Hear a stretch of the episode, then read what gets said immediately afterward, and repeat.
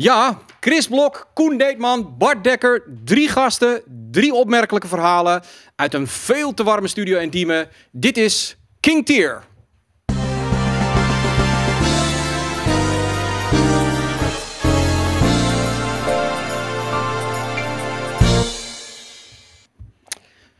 De kop is eraf. Jongen, jongen, jongen. Ik heb echt twee weken lang heb ik maagpijn gehad van als ik dat eerste stukje nou maar verkeerd uit mijn mond zou uh, uh, laten stromen. Maar dat, dat is nog redelijk gelukt. Um, welkom bij de allereerste aflevering van een nieuwe talkshow bij uh, GameKings. Een, een, een wens, een droom die wij al een tijd lang hadden om ook eens een keer ja, wat die, die verhalen die je in de gamesindustrie hebt, om die ook eens te vertellen. In die twintig jaar dat we dat hier nu doen, komen we zoveel van dit soort mensen met die verhalen tegen. Alleen we kunnen er vaak bij GameKings niet zoveel mee, omdat we eigenlijk altijd die ja, televisieuitzendingen maakten die maar vier minuten per uh, onderdeeltje konden uh, duren. Of uh, als je het hebt over de website, ja, dan maak je weer hele. Ja, daar deden interviews het weer niet zo goed. En uiteindelijk hadden we zoiets van: we moeten gewoon een talkshow maken. En ik vind dat leuk om te doen.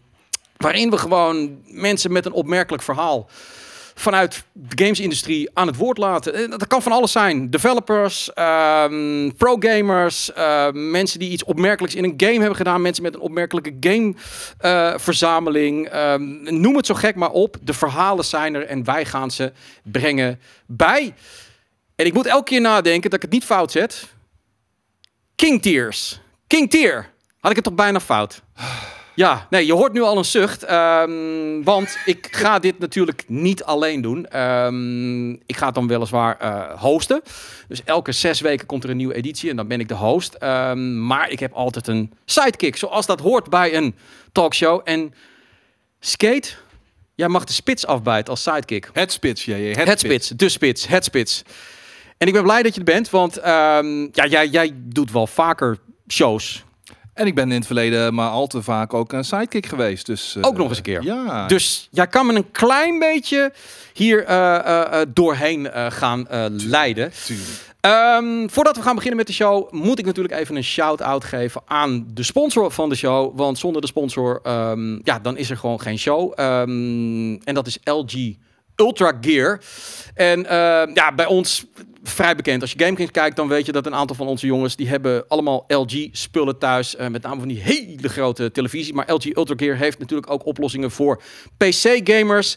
Uh, en dit lees ik even voor, want ik weet het niet helemaal uit mijn hoofd. 32-inch Ultra Gear QHD gaming monitor met 250 hertz refresh rate. En een monster, dat is een 48-inch Ultra Gear UHD 4K OLED. Uh, dat is de laatste monitoren die ze op de markt hebben gezet. Nou ja, prachtig materiaal. Mocht je daar interesse in hebben, um, dan kun je daar natuurlijk altijd naar gaan kijken. Um, opmerkelijke verhalen in de games-industrie. Ben jij, ben jij ze wel eens tegengekomen? ik, ik, ben een rondwandelend, uh, rondwandelend uh, verhaal, denk ik. Ja? Ja, maar veel gaat nooit het daglicht zien, wat dat betreft. Nee, en het grappige is, ik zat een beetje in die chat te kijken en, en mensen vroegen, ja, wie zijn dan de gasten? Wie zijn dan de gasten? Wie zijn dan de gasten? Nou, ik heb de namen al genoemd en ik denk dat bij heel veel namen mensen niet weten wie het zijn. Maar ze verwachten natuurlijk, heel veel mensen uit Simon Zeilemans. Uh, dat, dat, dat doen we natuurlijk vaak, is, is onszelf interviewen. En, mm. en over praten over wat wij meemaken. En dat zijn natuurlijk ook hartstikke mooie verhalen. Uh, maar die doen we bij GameKing zelf wel. Ik bedoel, daar gaan we ongetwijfeld nog uh, uit putten. Um, maar er zijn veel meer mensen die wij tegengekomen, die waar een prachtig verhaal over zit. Ik kreeg bijvoorbeeld een, een appje van iemand en die zei van, ah vet als jullie gasten, handenwasser. Ik wil een keer handen wassen. Wat is er met handenwasser gebeurd? Ja, zo kan ik er nog een paar opnoemen. Hoor. Een King Tuur bijvoorbeeld, uit die era. Hè, die, begin, ja. die beginjaren van e-sports en dergelijke. Waarin we een aantal uh, Nederlandse uh, guys hadden die echt op heel hoog niveau konden racen. Ja. Konden uh, FIFA en noem het allemaal maar op. Nee, uh, op mijn verlanglijst staat natuurlijk uh, Arjen Brusé, een, een, vriend van vroeger uh, van mij. ja, niet meer? Ja, hij is naar Amerika verhuisd. Oh, okay. Ik wil niet zeggen dat je daar geen vriend meer bent, maar we zien elkaar eigenlijk niet meer. Een beetje op Facebook af en toe. En hij, zit, hij is nu weer terug in Nederland. Nou, dat lijkt me iemand die heeft ook bij Epic nu gewerkt. Ik wil heel graag ook internationale gasten. Dat zal dan waarschijnlijk via Zoom uh, zijn. Um, dat lijkt me heel interessant om gewoon developers. Kijk, ik ben niet zo geïnteresseerd in van dat ik de, nieuwste scoop moet uh, zien te weten. Ik wil gewoon weten hoe het is om games te maken of hoe het is om bij wijze van spreken een pro-gamer te zijn ergens. Dat zijn de verhalen die ik zoek. En ik hoop dat we, ze die, eh, dat we die kunnen gaan brengen eh, bij, ehm, bij deze talkshow. En eh, hij heet natuurlijk King Tier. Kom op, jee, jee. Ja, het blijft moeilijk, hè? Waarom Ik- moet ik je daar in godsnaam elke keer over nadenken? Ja, dat omdat het lastig is voor mij. Ik, ik- Waarom? omdat het heel snel King Tire wordt. Het is niet King Tire. Nee, dat weet ik. King Tuur. King Tuur. King Tuur, ja, zie je, daar ga je ook al Ja, maar dat komt omdat ik, net, eh, omdat ik het net over King Tuur had. Ja, nee, precies. Ehm, inderdaad. King Tier. Ehm, goed. Genoeg geluld. Iedereen wil natuurlijk gasten eh, zien te hebben. En de eerste gast die ik straks hier naartoe ga halen en die dan hier eh, straks komt gaan zitten, is iemand, eh, Skate, die jij ook meer dan goed kent. die we regelmatig, ehm, toen we in, ehm, ja, eigenlijk aan, aan de andere kant van het ijs zaten, eigenlijk elke week wel een keertje eh, voorbij zagen eh, stiefelen. Ja, ja, ja. Ehm, het is natuurlijk een. eh, hij is een van de eigenaren van Blast Galaxy. En mocht je nu niet weten wat Blast Galaxy is, dan moet je echt onder die steen vandaan komen. Want dat is gewoon de vetste arcadehal van Nederland en misschien wel van Europa. Eh, daar moet je echt een keer naartoe gaan. Ze zijn gewoon nog open op donderdag, vrijdag, zaterdag en zondag volgens mij. Uit mijn hoofd. Eh, maar hij is meer. Hij is eigenlijk ook een beetje de motor achter de arcade. Steven is ook een van de eigenaren. Die doet heel veel PR en marketing en al dat soort dingen. Maar die arcadekasten, ja, die moeten ook daar natuurlijk staan. En hij is de eigenaar van die kasten. Hij is iemand die eigenlijk zijn hele leven al, lang al ehm, ja, stad en land afreist op zoek naar nieuwe parels, nieuwe arcadekasten. Hij is denk ik een van de grote kenners van de arcade-wereld. en wij houden van arcade games. Skate, ik denk dat jij bent opgegroeid met arcade games. Ik, eh, ik heb dankzij Blast Galaxy een groot eh, belangrijk deel van mijn eh, jeugdjaren weer mogen herleven. Dus zeker. Exact. En dus zijn wij heel geïnteresseerd naar mooie verhalen over arcadekasten. We hebben het natuurlijk, ehm, terwijl hij nu plaats mag nemen, we hebben het natuurlijk over niemand minder dan Chris Blok. Ja, nee, dat is een beetje. We hebben geen publiek, maar ik heb. Ik, ik, he- ik heb wel gehoord eh, dat er eh, een soort van emoticon was met, met, met applaus eh, op, eh, in de chat. Is maar niet een audio eh, dingetje gewoon? Nee, dat, dat zou zo flauw zijn eh, wat dat betreft. Ehm, welkom, eh, Chris. Dankjewel. Nou ja, leuk dat je er bent. Eh, bij een talkshow hoort ook wat te drinken, natuurlijk. Eh, je weet, Blammo, wij hebben bakken met geld, dus ik heb alleen water. Ah, Bakken top. met water. Bakken met water. Eh, Skate, wil jij ook een, een, een, glaasje water? Ik heb hier eh, onder de tafel een flesje water staan. Oh, flesje water. flesje nou, dan, water. Ja, een flesje water. Nee, oké. Je, hebt- je, hebt- je hebt je eigen merk. Ja. Dit, dit is gewoon Amsterdam gemeentepils. Thanks. Ik neem ook een glaasje water. Ehm, ja, Chris, nou ja, goed. Wat ik al zeg van, jij bent geen on- onbekende voor ons. Ehm, Volgens mij ben je jarenlang onze huurbaas geweest. Eigenlijk wel, ja. Eigenlijk wel, ja. Nou, Ehm, eigenaar van Blast Galaxy. Klopt. Even heel kort, eh, want eh, ja goed, het, het wordt geen PR-verhaal voor eh, Blast Galaxy. Maar toch zijn er nog een hoop mensen die misschien denken van ja, maar corona hebben ze het wel overleefd. Bestaat het nog? Eh, GameKings is weg. Is Blast Galaxy dan nog open? ja, zeker. Sterker nog, je noemde net donderdag tot en met zondag. We zijn op dit moment van dinsdag tot en met zondag open. Oké, Mede ook wel vanwege de vakantie, maar toch. Maar nee, we zijn zeker nog wel levend. Ehm, we hebben het natuurlijk wel moeilijk gehad. Ja. De, de, de corona is ons eh, niet in de koude kleren gaan zitten. nee.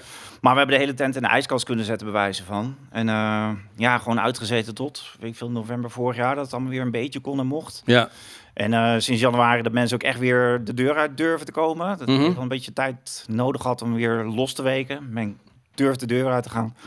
Dus nee, we zijn er weer. Zeker. Ja. Ja, we knallen, man. nee, ja. Nou, eh, su- super tof. Eh, Ja. Ik weet, laatst hadden we daar een, een feestje voor de Dutch Stream Awards. Toen stond ik aan de deur en toen heb ik toch wel een mannetje of twaalf eh, moeten, eh, aan de deur moeten weigeren. Om, ja, die, maar ook echt uit Maastricht, Groningen, Engeland. Mensen komen echt speciaal naar Blast, ook internationaal. Hè? Absoluut. Ja, Ja. ja. zeker. Volgens mij de eerste week was er eentje uit Maastricht op de fiets naar ons toegekomen. En nou ja, internationaal. Ik stond toevallig dinsdag er de hele dag, omdat we hetzelfde probleem hebben als ieder andere horeca, gewoon Ja. geen personeel.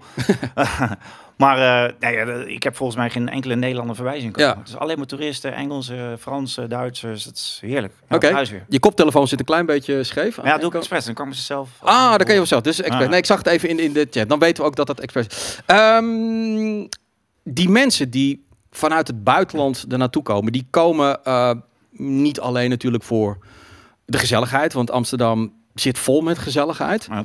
Die komen natuurlijk voor de arcadekasten. En met name ook misschien wel bepaalde arcadekasten. Dat Eh, kan, zeker. Ja.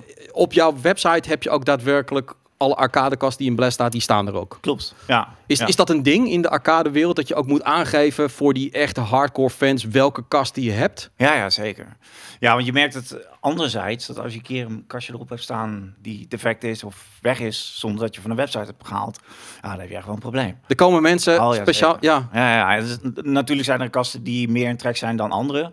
Er zijn kasten die gewoon echt een soort stapel zijn, die moet je hebben. Noem een Dance Dance Revolution.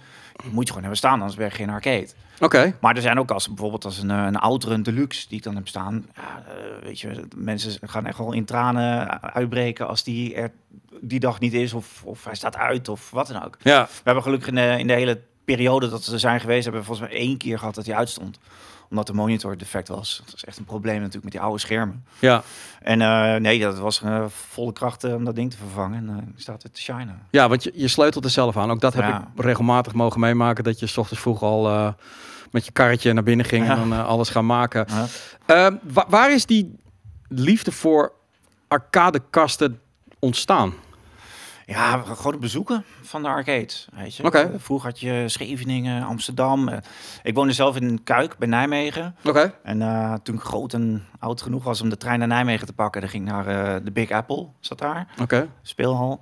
En ja, daar is echt wel begonnen. Gewoon die, die strijd, schouder aan schouder, Street Fighter spelen. Want weet je, dat, dat, dat vond je nergens. En natuurlijk, thuis had je wel spelcomputers, maar die waren nog lang niet zo goed als de, de spullen die je vond in een arcade. Nee. Dus je moest naar de arcade als je, een- als je, een- als je een nerd was, zeg maar, als je een geek was. En eh, ja, daar begon het. Weet je. Scheveningen had een grote arcade waar ik dan eh, naartoe ging. En eh, ja, Amsterdam was natuurlijk gewoon eh, ja, een uitje om daar met een paar Ja. jongens naartoe te gaan. Waar ging jij naartoe, eh, Skate? Was er in Breda iets? Mm, je had hier, eh, je had bij het zwembad had je, de, had je een paar, eh, Mm. weet je, ja, dan, hoe heet het, hoe heet het, oh, potverdorie. Nou, ben- ik, zat, ik zit er net de hele tijd aan te denken. Je had, in, oh, je had eh, die, die, die Rise of the Phoenix of zo had je.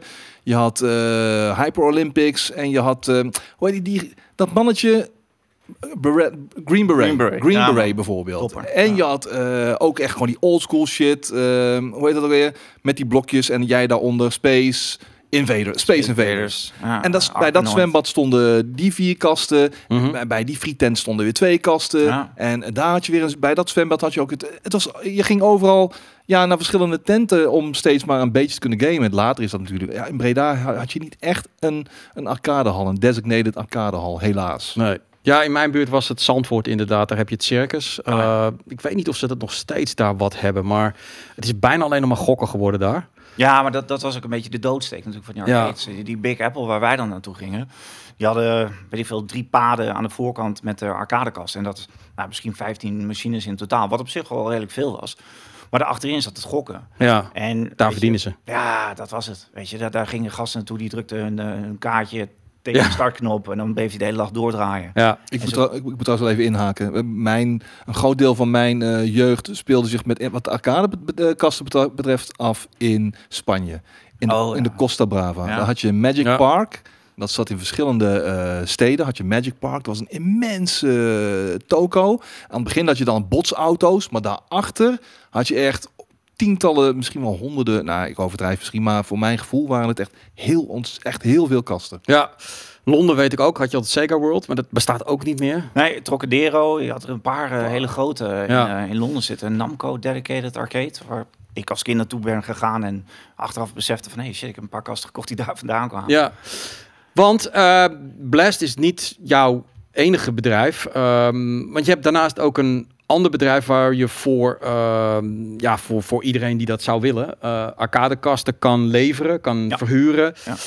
Eh, je doet de reparatie. En ehm, wat ik dan interessant vind is, je hebt me ooit verteld dat jij nog steeds, maar vroeger zeker, ook ja, de hele wereld bekijkt. Waar zijn nog arcadekasten te koop? Want jij, jij, wil, jij hebt lief de oude kast, hè? Niet Ja, de nieuwe. Want Nee, worden nee, nog steeds gemaakt. Ja, op zich de nieuwe zijn ook wel goed hoor. Er zitten echt wel zat toffe kasten tussen. Maar dan heb je het wel echt over het Japanse spul. De dansmachines, Ja. eh, de race simulators, dat soort dingen. Dus dan, dan wordt het wel heel erg narrow, zeg maar, wat, je- Mhm. wat je gaat vinden daar. En natuurlijk de generieke machines, omdat in Japanse speelhallen staan twintig dezelfde machines op een rij en met ieder een andere game. Ja, En dat is voornamelijk mijn, mijn handel. Weet je, ik heb in 2009 een bedrijf begonnen waarbij ik eh, joysticks maakte. En dat groeide snel uit naar het, het kopen en verkopen van arcadekasten. Mhm. En die basis van de inkoop was toch echt wel Japan. Ja. Makkelijk, eh, weet je, speelhallen hebben daar niet de ruimte om kast op te bergen of, of te stallen of wat dan ook. Dus op het moment dat hij niet meer genoeg verdient, dan gaat hij in de kant, wordt hij weggepleurd. Ja. En eh, zo, zo kocht ik dus in het begin containerladingen vol met, met machines. Ja. Serieus? ja, ik zit volgens mij container 22 of zo. Wauw. En dan passen de 40 in een, eh, in een container. Dus dat, eh, ja, dat ging hard. En. En, en, en wat kost dan... Ja, wat kost een arcadekast? ja. Ja, nee, ja, goed. Ik bedoel, ja, is, is, hoe, hoe werkt dat? Ik bedoel, is, is het dan van... Je gaat naar Japan toe en je, gaat ze, je wil ze zien. Je wil ze proeven, je wil ze uitproberen. ja, dat, dat was wel mijn eerste insteek. Ja? Maar het probleem was, eh zomaar eventjes naar Japan voor zo'n container was voor mij toch wel een beetje een te grote stap. Mhm. En eh, zelfs het feit dat de eerste container doe je eigenlijk maar op vertrouwen. Dus Oké. vertrouwen van die Japanse leverancier. Dat ik echt gaat leveren wat je, nou ja, waar je voor betaalt. En dat was voor mij natuurlijk een godsvermogen. Ja. Alleen het ding was wel dat het moment dat ik die container had besteld, puur op gevoel van hey, dit is volgens mij goede handel, hier is vraag naar, was hij al verkocht voordat de container in Japan dichtging. Ja. En laat staan de boot op ging en hier naartoe ging. Dus ik had wel vanaf dag één zeg maar een, een, ja, beet, zeg maar. Oké. Dus, eh, maar ja, het ligt aan. Eh, Weet je, ik koop ze natuurlijk in Japan in, omdat daar de prijzen ook een stuk beter zijn. Ik heb ooit een keer gewoon een, een appje gekregen van mijn leverancier. Die zegt, eh, ik heb een aantal kasten staan voor 5000 yen per stuk. Uh, 5000 yen, als je dat snel terugrekent, is dat 35 tot 40 euro per stuk. Mhm. Ik zeg, hoeveel heb je er? Ja, 40. Ik zou, doe maar een container, knal me deze kant op. Weet je, en Maar per, per arcadekast 40 euro? ja, dat was oud metaal. Die, die dingen werden gedumpt. En het was of ik verkoop ze aan een, aan een klant die, eh, die betrouwbaar is en snel handelt. Ja. eh, en snel afneemt en, en laat verschepen. Of ik ga het oud ijzerprijs krijgen. En dat is 35 euro per stuk. Wauw. Ja, een hele rare afweging heb ik het idee. Want volgens mij hadden ze ook gewoon het tienvoudige kunnen vragen voor die kast. En dan hadden ze het nog makkelijk gekregen. Ja. Maar eh, ja, ze knalden ze gewoon door. 5000 yen per stuk. Ja. 35 euro. Maar wat ik wil afvragen, hè, soms hoor je nog wel eens van die romantische verhalen. Je ziet het ook wel eens bij die, die, die programma's op, weet ik veel, Discovery of iets dergelijks. Van mensen die dan ergens bij een oude man Oh ja, onder een doek Oh, eh, op. iets super exclusiefs dat vinden. is, mij, dat is mij heel vaak gebeurd. Ja, Ja, ja, nee, absoluut. Dat, dat is echt absoluut niet eens meer romance. Dat is gewoon... Als je de goede contacten hebt of je doet echt goed speurwerk, dan vind je dat soort dingen. Sterker nog, weet je, een van de kasten die net visueel voorbij kwam was die, eh, die Outrun eh, Deluxe. Mhm. Ehm, ik heb die, en dat is dan de turbo versie, de witte. Ik heb dan eh, die witte en nog drie rode. En een van die rode, die heb ik gratis opgehaald op Marktplaats. Wauw. Ja, er was een gast die had op, eh, op Marktplaats, had je tussen de Sega-consoles, Ja. had hij eh, zonder foto een advertentie geplaatst met eh, de opmerking eh, eh, arcadekast met Ferrari paardje. Echt cryptisch als de pest. en eh maat van mij die gaat bellen en zegt, eh, is dat toevallig uh, Outrun? Hij zegt, ja, dat weet ik niet. Oké, maar is het dan die rode kast waar je in kan zitten, die kan wiebelen? Ja, hij wiebelt. Oké, nou, wat wil je ervoor hebben? Nee, nee, kom me ophalen. Ik heb eh, mijn huis verkocht en dat ding staat in mijn oude huis. En ik krijg dat ding met geen kans de, de pand uit, weet je. In de garage staat dat ding. Als je, als je hem eruit kan trekken, is hij voor jou. Ja. Nou, eh, ik had net een paardentrailer gekocht om mijn Ja. kasten te verplaatsen. Dus ik ben met mijn landrovertje erheen en eh de, Ja. paardentrailer erachter, het takeltje eraan en eh je kast inladen. Ja, ik zou er zo 15, 20.000 euro voor kunnen vragen als ik hem nu opgeknapt heb wel Nee. het- ik snap het ook wel. Eh, het, het zijn wel ondingen, laat ik het zo zeggen. Ja. Want heel af en toe eh, heb ik meegeholpen in Blaas, omdat er dan een feest gaat, moest ik wat verplaatsen. Het zijn loeizware dingen. Het is, het knijterijzer. Dus als je zoiets hebt van, je hebt het gekregen omdat het georven hebt van iemand, of whatever. Ja, pff, wat moet ik ermee, weet je? Ja. Dan kan je wel, wel bij je vrienden gaan vragen, wil jij me overnemen? Ja, ben ben je gek? Dan staat dat midden in mijn huiskamer. Ja, ja, ja. Ehm, de, en er zijn natuurlijk ook maar heel weinig arcadehallen. Dus ja, de is, is de markt klein? Ben- ken jij iedereen die in Nederland arcadekasten, zeg maar, Ik ken, ik ken ze niet allemaal, maar op het moment dat er eentje opduikt die ik niet ken, dan kijk ik wel altijd een beetje raar op. Oké. Oh, oké, jij bent ook een serieuze partij met tien kasten in huis of wat dan ook. Ja. dan, eh, dan schrik ik daar wel van. Maar ehm, ja, dat, is ook vaak de reden dat ik kasten kan aankomen. Is omdat dus een verzamelaar plek heeft voor 10 machines. Ja, En dan denken ze Holy Grail ziet als nummer 11. Ja, shit, dan moet ik toch één verkopen. ja. En verzamelaars hebben heel vaak gelukkig het fatsoen om iets te verkopen voor de prijs dat ze het zelf aankochten. Mhm. Ja, dan komt het in mijn collectie. En, Ja. en kijk, ik heb interesse en ik heb er een beetje over na zitten denken. Eigenlijk vanuit drie à vier uh, oogpunten. Ik ben natuurlijk zelf ook een verzamelaar. Ik wil Mhm. gewoon kasten hebben die gewoon niet te vinden zijn en die hou ik voor mezelf. Maar ze staan niet bij jou in de huiskamer. Eh, nee, Nee. nee. Nee, ik heb er eentje en die staat echt al drie jaar uit of zo. Dat is echt heel kansloos. Maar in mijn loods staan er dus weet ik, van 150 tot 200 naast die 100 van Blast. Ja, En, ehm, en ik kijk natuurlijk ook naar kasten om ze uiteindelijk in Blast neer te zetten. Wat Mhm. natuurlijk ook super vet is. Er gaan ook dingen kapot in Blast die gewoon echt aan vervanging toe zijn. ja. Gaan ze daar naartoe. En ja, handel. Maar ik moet eerlijk zeggen, als ik een kast aangeboden krijg in Nederland of ik vind iets op Marktplaats, dan is dat voor mij geen handel. Dan is dat een kast die eigenlijk per definitie gewoon apart gezet wordt voor mijn eigen collectie of voor Blast. ja. Eh, als ik speel uit Japan haal, dan is het handel. Oké, want er zijn hier mensen met wat centjes die zoiets hebben van ik wil een arcadekast in huis en dan Ja, ze jou. doen En dan, drie, vier op een rij, weet je. Dat soort Ja. verzoeken krijg voor, thuis gewoon. Ja, ja, voor thuis. In de mancave. Ja, absoluut. Ik heb ook wel eens kasten gewoon in een Ja. eentje geïmporteerd. Gewoon echt dat je al 2000 euro verzendkosten hebt.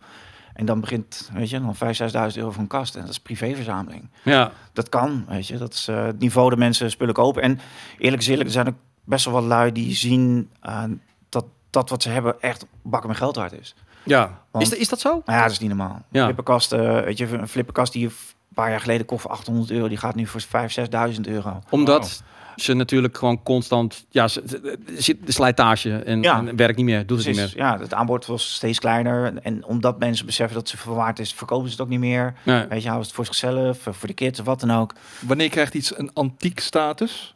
Oeh, dat is lastig. Ja, ik, ik denk 35 plus, dat het bij mij in mijn beleving Ik al- weet nog, toen ik op, opgroeide, mijn buurjongen had een flipperkast in de, ergens in de jaren 70. Ja, Ik kan me voorstellen dat als die nog functioneel is, nou, we zijn toch inmiddels 50 jaar verder bijna. ja, en dat is ook al een beetje het probleem met flipperkasten. Want flipperkasten die hebben een aantal generaties. En dat is meer op hardware based, zeg maar. Op een gegeven moment kreeg je die generatie waarbij je op die kopkast had je een scherm aan de onderkant. Mhm. En dan kon je minigames spelen op dat scherm.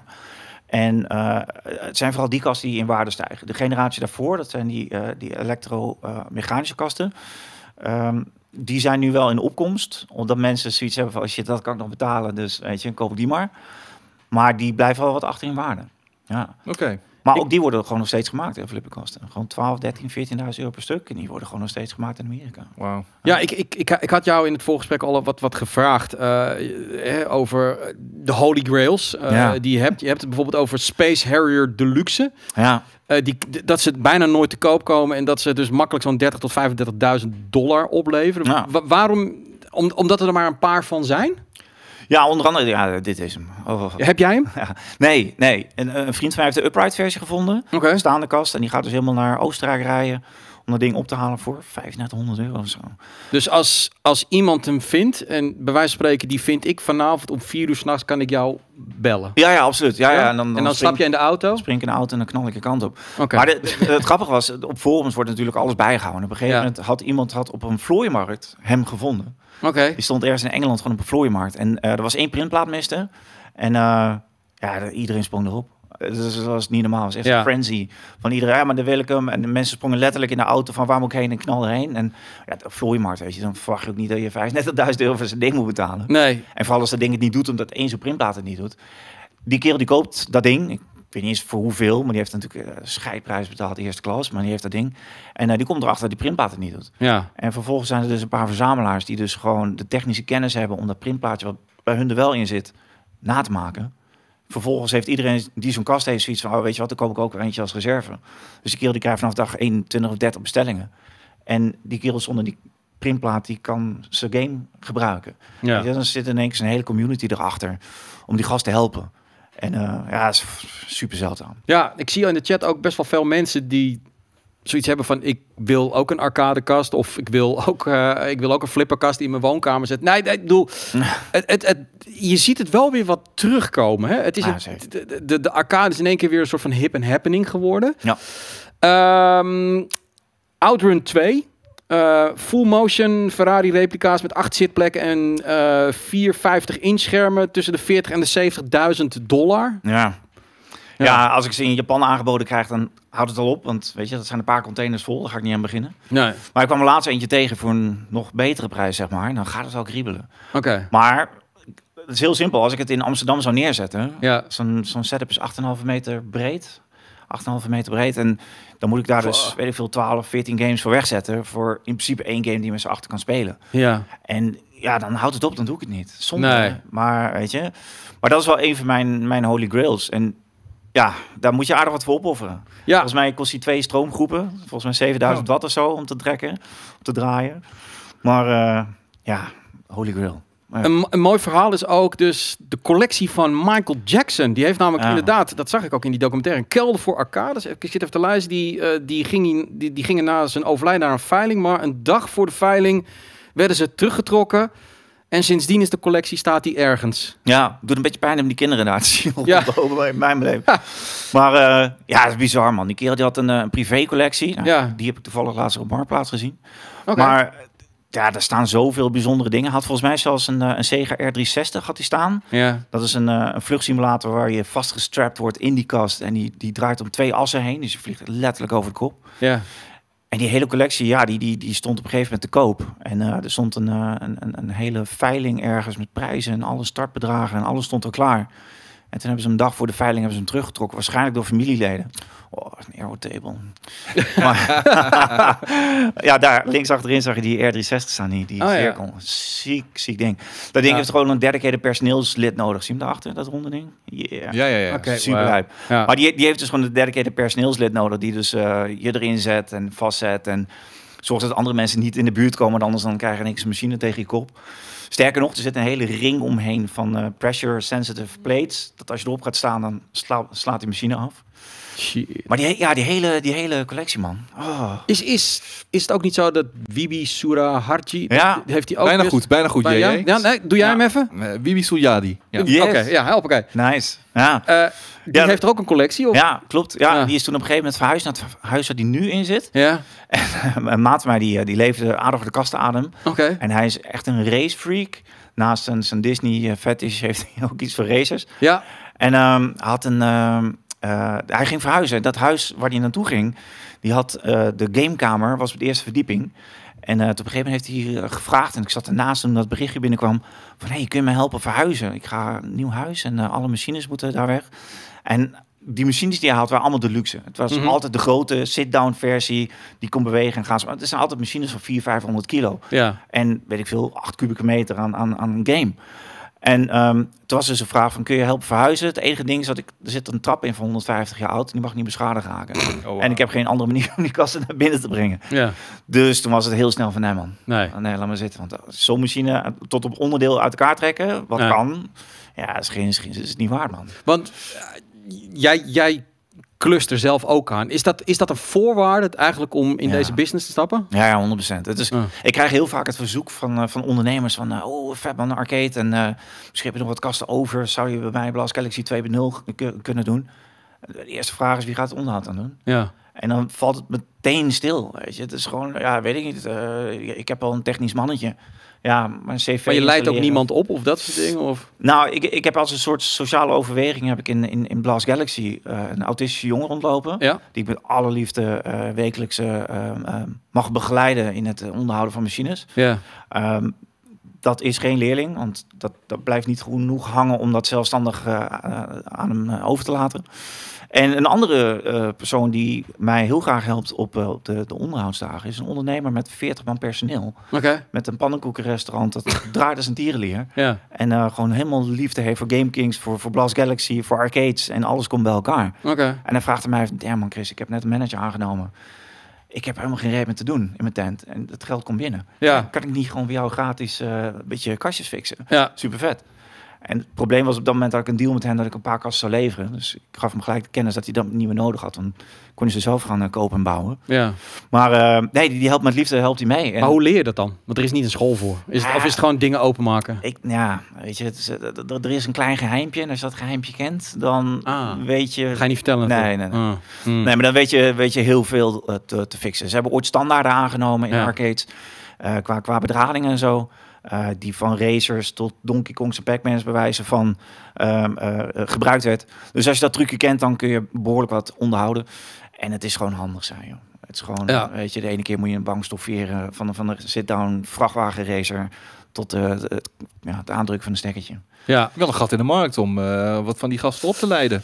Het nou is, ja, ja. ja. da- nou, nu het meer hip en happening is. Ik, ik, ik weet van jou, want je hebt nu ook in Utrecht en zo heb je allemaal die met, met die met die stomme loodjes die Tickets, er- die oh, fuck, ja, daar ben je niet zo fan van, hè? Ik haat het, man. Ja, Ik ah, haat het. Je, beloning moet zijn gewoon naar level 2 komen. ja. En niet drie tickets eruit trekken zodat je een tandenborstel wint. of Zo. Nee. V- vind je dan niet dat het, het, het concept wat jullie hebben bij Blast is 12, 15 euro, ehm, onbeperkt? De show van arcade is toch de angst dat je je knakie kwijtraakt wel Ja. heel snel. Ja, ja. Maar, maar dat, is dat, als je dat zou doen, dan, Dat- dan is het niet meer, dat is niet meer van deze tijd. Dat kan niet. Nee, nee, nee, vind ik niet. Weet je. Ik bedoel, in, in zo'n zo'n moderne tent waar dan een hele heftige simulator staat of zo, dan snap ik dat je er een euro of twee euro swipet met je kaartje en dan Ja. gaat spelen. Maar een, een Donkey Kong of een Pac-Man, dan verwacht ik niet dat men daar een euro in gooit. Nee. Maar ik vind het super vet als mensen Donkey Kong of Pac-Man spelen en gewoon uren aan een, aan, een, aan een stuk achter zo'n kast blijven staan. En we hebben wel heel veel zitten puzzelen van shit man, je verliest inderdaad een stukje beleving. Ja. Een Final Fight spelen, je komt tot level 2 en dan word je compleet afgerost. Ja. En, en bij ons is het gewoon start, start, start, start, start en je gaat er verder. Ja. En dat was vroeger niet zo. Ik heb ooit 20 euro in, in guldens in, in Turtles gegooid om, om weet je, Shredder te verslaan. ja, weet je, dat, dat, dat, dat, dat, die beleving is er dus niet. We zaten wel heel erg te spelen van, kun je dan niet een, een soort nepmuntje maken die je dan legt op een arcadekast om om Ja. je plek te claimen. Van, hey, als jij klaar bent en je game over, dan pak ik hem. Doesn't work, weet je. Nee. ons gaat het gewoon niet werken. En we, ja, we nemen voor lief dat je belevenis dan soms minder is. Maar aan de andere kant, je kunt games eindelijk keer uitspelen. Ja, eh, ja, we gaan hard, man. Het is, Ah. het, is al bijna, het is al bijna een half uur. En in principe was het concept een beetje zo'n 20 minuten. En Het is al lang voor een talkshow, want het moet tegenwoordig ook in 10 minuten. Eh, ik, ik heb nog eh, één vraag voor jou. Wat- Oké, onbewoond eiland. Je mag één kast meenemen. Eh, de oude f- top of my head, Outrun Deluxe. Outrun Deluxe. Ja man, Toch alle wel. routes, alle tijden. Ja man. Ja, en, en jij, Skate? Ehm, ik denk toch eh, Hyper Olympics. Oh, die, ja. die, die, die drang om altijd maar weer mijn records te verbeteren. En waar ik zo van baalde altijd bij Blast Galaxy. Dat die highscore niet zichtbaar is. Oh. Dat, Ja. maar ook eh, geluid eh, Oh. dat bijna niet aanwezig was. En eh, zeker met kogelslingeren heb ik het geluid van die... Ja, ik weet precies. wat je bedoelt. Heb ik, heb ik nodig om die Ja.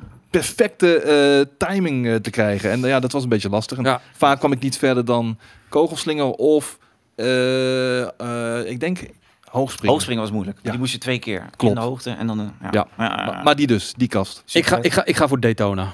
Oh, Ja, dat is ook zo verder. Ik kwam alleen nooit verder dan dat eerste stuk, want dan waren mijn muntjes weer op en dat soort dingen allemaal.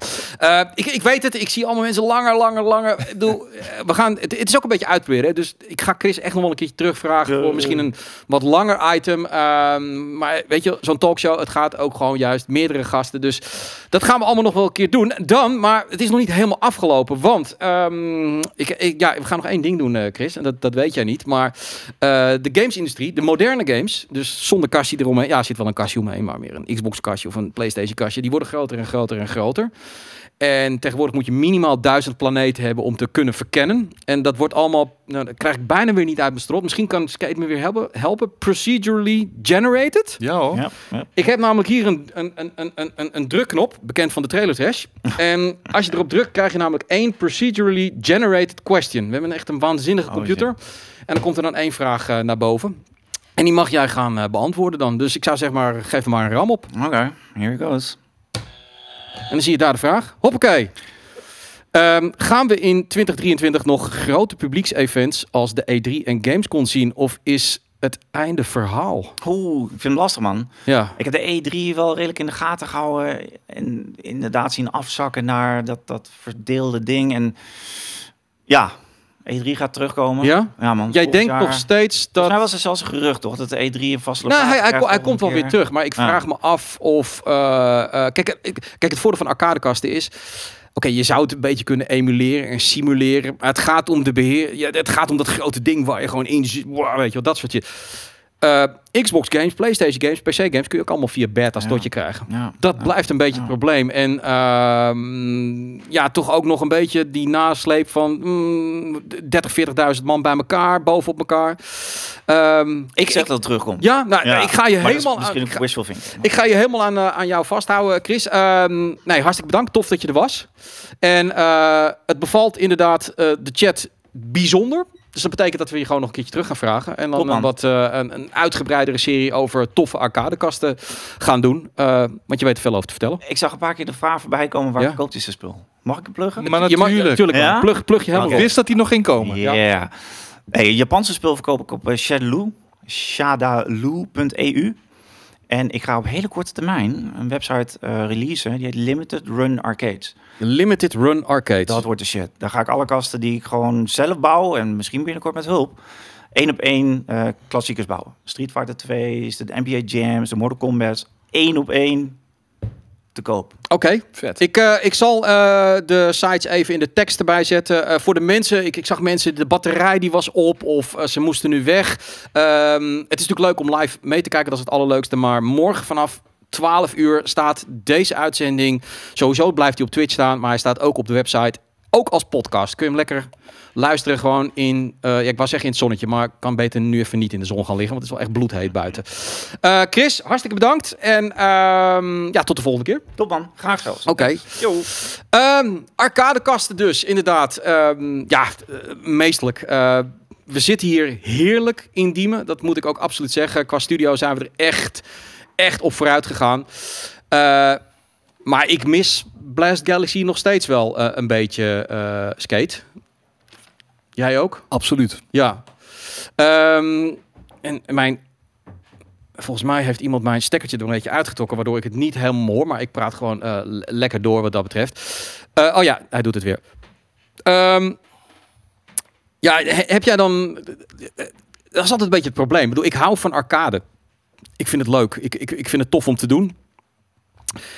Maar je hebt zoveel moderne games, eh, ook om, om thuis te spelen, weet je wel. Dan... ehm, ja, ik, ik weet soms niet wat ik leuker vind. Als ik dan bij Blast ben, vind ik dat eigenlijk vele malen leuker dan gewoon dat je op je bank zit met je controletje. Maar zit ik dan thuis, dan vind ik dat eigenlijk ook wel weer prima. Nee, ik weet wel wat ik veel leuker vind vandaag de dag. Ja?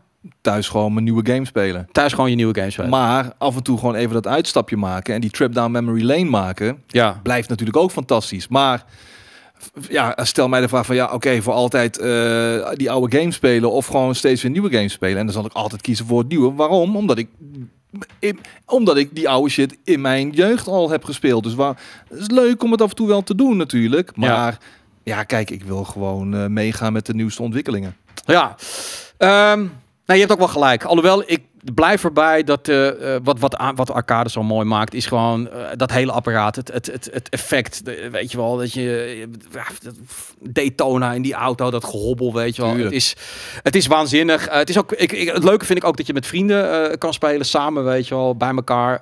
Maar goed, anyway, als je Blast Galaxy nog niet hebt gecheckt, doe het vooral of een ar- andere arcadehal. ehm want het is belangrijk dat arcade blijft bestaan. Goed, we gaan naar de volgende gast toe. ehm, die dan eh, buiten beeld lekker eh, alvast gaat zitten. Zodat we de camera kunnen instellen. Want eh, ja, deze man is geloof ik 2,61 meter. Eh, hij is vrij groot. Ehm, het is iemand ehm, die een van de oprichters is, als ik het goed heb. En maar dan ga ik straks aan hem vragen. Van een developer waarvan ik nog steeds de naam niet kan uitspreken. Dus dat ga ik sowieso vragen. Ehm, als je het hebt over development in Nederland, dan zegt iedereen onmiddellijk, ja, Guerrilla. Ja, dat is ook zo. Dat zijn, de grootste eh, PlayStation games natuurlijk. Wereldwijd bekend. Eh, is het een Nederlands bedrijf? Het is een Nederlands bedrijf, alhoewel er wel ontzettend veel buitenlandse werknemers ook eh, werken. Ehm, in 2018 kwam hun game uit, ehm, mede geïnspireerd op de hobby van hun opa, als ik Wikipedia goed begrijp. Ehm, Kickstarter hebben ze gedaan. Eh, de game is uitgekomen in tweede. eh, even later hebben ze de game weer van de markt gehaald, omdat ze hem niet helemaal goed genoeg vonden. Toen is die weer op de markt gekomen. Ehm, en inmiddels komt het vervolg eraan van die game. Eh, en die komt op 26 september uit. We hebben het natuurlijk over de makers van Deliver Us the Moon. en straks dus Deliver Us Mars. En het is niemand minder dan Koen Deetman. Van, Ja, ik ga het niet zeggen. Ik ga het Doe het. Hoe spreek je nou uit? doe het. Probeer het even. Ja, hier. ik, is het nou K- Kjuken? Kjuken? Ja, het is, het is Keoken. Keoken. Het is veel makkelijker dan je, dan je denkt. Ja, KU. Maar waarom is het dan een U? Ik, nou, nee, het is een, het het geen- is een EO. Oh, EO, sorry. geen Oh, keuken? eh, ja, zie je. Keoken. Het is niet Inderdaad. de Oh, ja. EO, maar het is Eh, KO. Ja, mijn administratie is gewoon niet goed. Hoe kom je dan op die naam? Nou, ehm, Is het gewoon een misspelling van keuken? Dat, dat zegt Google wel. Als ik eh, als ik Keoken eh google, dan Ja. krijg ik vaak keukendesign eruit en al dat soort dingen. Maar nou, eh, toen ik, toen ik echt in de brugklas zat, had ik altijd een, een paar vrienden. En die, nou ja, ik zie het sowieso al in de chat verschijnen. Maar wij keken natuurlijk allemaal naar Dragon Ball destijds. Mhm. Dragon Ball Z. En ja, Goku die had natuurlijk een, een Kaioken attack. En eh, eigenlijk had, hij- had een van die vrienden, die vond het leuk om iedereen een beetje een soort variant op die naam te geven. En toen eh, kwam je bij Koen, kom je dan heel gauw uit op Keoken. Hij dacht, nou, dat ben jij dan. En eh, ik heb dat eigenlijk altijd als nickname gehouden. Oké. En ja, je weet je, je gaat, eh, je speelt veel games, je gaat eh, een beetje studeren. En op een gegeven moment dan ja, ga je je bedrijf opzetten. Tenminste, dat was het idee dat ik dacht, nou ja, ik, ik, ga, moet hier ergens beginnen. En eh, ja, je begint natuurlijk als, eh als eenmanszaak. Dus Ja. dan, eh, ja, toen dacht ik, ik noem het gewoon oké. En Oké. Je hebt namelijk een broer. En dat is wel grappig. Ik, ik, eh, eh, eh, naar aanleiding van de release die eraan komt. Ja. Wat ik wel heel interessant vind. Hoe, hoe, hoe zoiets nou gaat. Ehm, sowieso dat je er bent. Want als, ik begrijp dat iedereen nu aan het crunchen moet zijn. Normaliter. Ehm, maar toen zei je van. Oh, kunnen we niet met z'n tweeën komen? En toen zei ik nee. Want dat past niet. Weet je. Ik bedoel, die mogelijkheid gaan we ik, ik binnenkort had graag even plaats gemaakt natuurlijk voor Broer Lief, hoor. Ja, nee, maar dat is. we, we gaan een grotere des, dus dan kunnen er twee mensen. Maar jouw broer Paul, eh, die zit ook binnen het bedrijf. Jij bent de oprichter ervan. ja, ja, we hebben dit echt samen opgericht met eh, eigenlijk als twee broers. Ja. Ja. En, allebei ook hetzelfde specialisme? Of? Nee, eh, nou ik, we hebben eigenlijk altijd wel gegamed. En, en sowieso natuurlijk altijd naar jullie gekeken. Dat, bleef, daar, daar zijn wij opgegroeid eigenlijk. Mhm. En eh, ja, uiteindelijk wilde ik in die industrie blijven van games. En hij deed, eh, hij, wilde, hij was sowieso altijd heel veel met DJ'en bezig en, en muziek. Totdat hij ehm, ook begon te studeren. En toen eh, kon hij heel veel trailermuziek maken voor, eh, nou ja, denk aan grote films zoals bijvoorbeeld Creed hebben wij gedaan. We hebben, wat, wat was het nog meer? De Alien Covenant campagne hebben we gedaan. Justice League. En eigenlijk merkten we dat ook als we kijken naar ons vroegere tijd, dat we altijd heel erg. Ja, toen we klein waren, ook kleine filmpjes maakten. Weet je wel, Star Wars, dat je zo'n li- lightsaber. Doe je even de camera uit, doe je de camera weer aan en dan is die lightsaber aan. En eigenlijk doen we dat nog steeds. Ja. Dus, maar dan met games en, en ja, vooral een beetje cinematische, filmische games. Maar ik, ik, ik hoor hier niet, zeg maar, een development kant als in programmeren. eh, Nou, dat ben ik eigenlijk. Dus ik, eh, ik ben wel echt eh, gaan kijken wat is nou een, eh, een snellere route de industrie in. Of iets waar ik in ieder geval al wat sneller dit kon gaan doen. En dat was dan via een opleiding al. Was ik daar toch al wel weer snel op uitgekeken. Want als ik dan met gamebedrijven begon te werken, dan vond ik dat dan toch wel weer interessanter eigenlijk. ja. Ja. ja, dat is een beetje die discrepantie. Hè? Dus eh, ik, ik hoor het ook wel vaak hoor, van eh, of het nou de HKU's of andere opleidingen. ja. dat ze niet zozeer, eh, de, de, de- en dat hoor ik met name van mensen die bij Guerrilla werken, van de aansluiting met Nederlandse die van die school komen is echt heel lastig, omdat ehm, het is daar meer een soort van artvorm. Terwijl je gewoon bij Guerrilla als het ware, je moet gewoon levels kunnen designen en je moet gewoon eh, met bepaalde Ja. tools kunnen werken. En ehm, dat, dat, dat loopt nog niet helemaal lekker. We Het zijn hebben- vaak autodidacten die het, die, die het best zijn. Ja, we, we hebben sowieso met eigenlijk alle scholen wel een, eh, eh, op zich een goede verbinding. Dus ook Ja. hebben er wat HKU'ers zitten. Maar inderdaad, als, je, als, het, als het gamebouwen een stuk groter wordt... en je echt met grotere teams gaat werken... dan, ja, dan is die dynamiek gewoon heel erg anders. Dan, eh, dan kan je niet meer met z'n ja, met vijven ja, om elkaar heen zitten... en ja, tegen rechtstreeks met elkaar praten. Dat wordt eigenlijk steeds lastiger. Ja. Al, al proberen we dat nog wel te houden hoor, bij Keoken. We willen echt wel die, die platte structuur houden. En, eh, Want hoeveel mensen werken er? Nou ja, dat is eh, op dit moment, omdat we inderdaad eh, flink bezig zijn om het af te maken, denk ik dat we wel tegen de 35, 40 man zijn. Jezus. En eh, ja, dat, dat, en dat gaat nog eigenlijk best op de, de originele manier. Ik bedoel, iedereen is nog steeds aan te spreken. Ik loop nog rond. ik, ik speel hem eigenlijk ook heel vaak, de game. En ja, dat, dat, dat gaat nog wel. Zit, zit allemaal eh, eh, in één kantoor? Want jullie werken ook wel deels thuis. Of, of maak je, eh, je... Sommige developers hebben ook de constructie van... er zit er eentje in Korea en er zitten er drie zitten er in Londen... en twee in Duitsland. Of is het bij jullie allemaal gewoon in Nederland?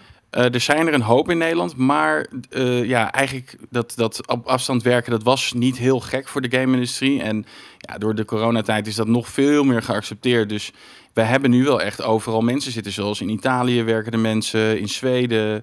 eh, en dat is ook elke dag, doen die gewoon mee en die sluiten ook aan. Ehm, ja, volgens mij België zelfs. eh, en inderdaad ook mensen in de studio, maar ook weer vanuit huis in Nederland. Dus dat Mhm. is wel heel erg gemixt. Oké.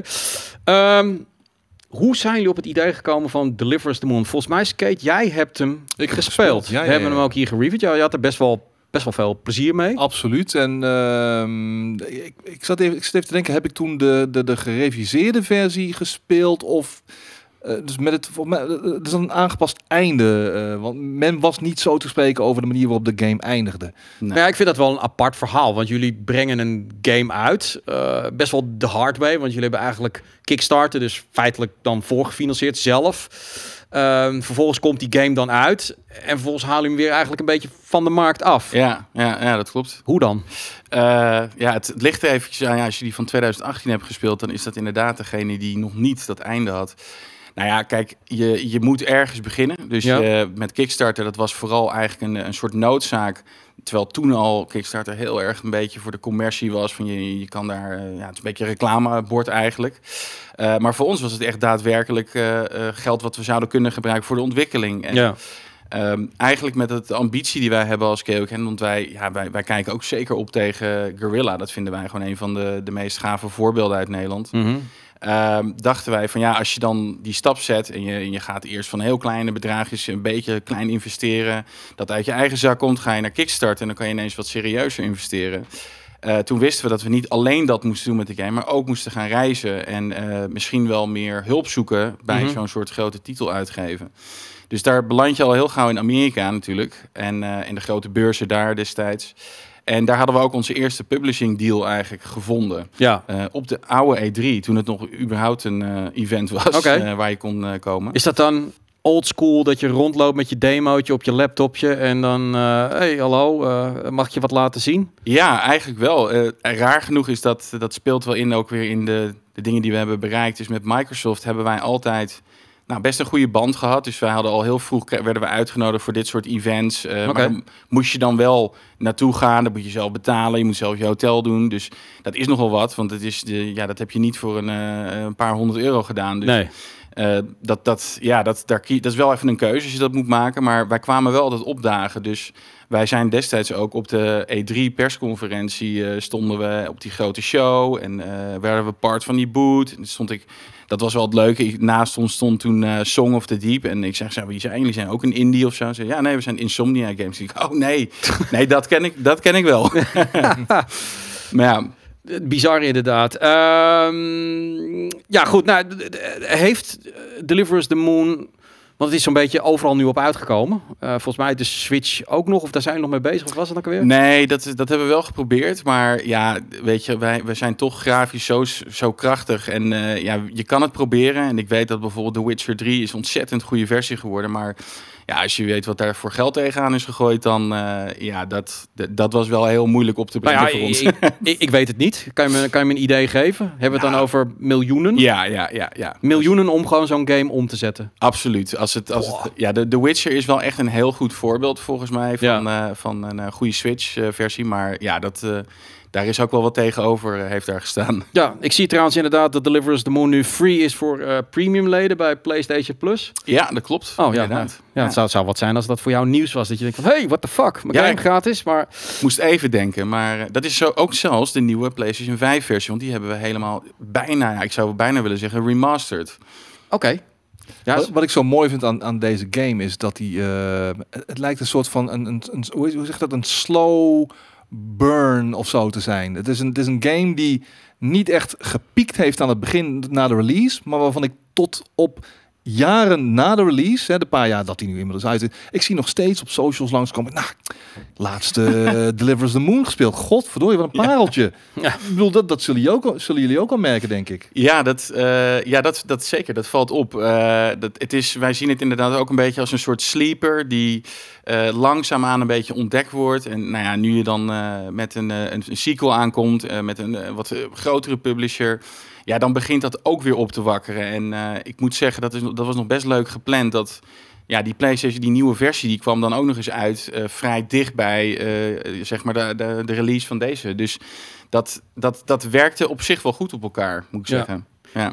Ehm, hebben jullie de, de investeringen die jullie hebben gedaan, hebben jullie er dan ook gewoon uit met de Deliver Us the Moon?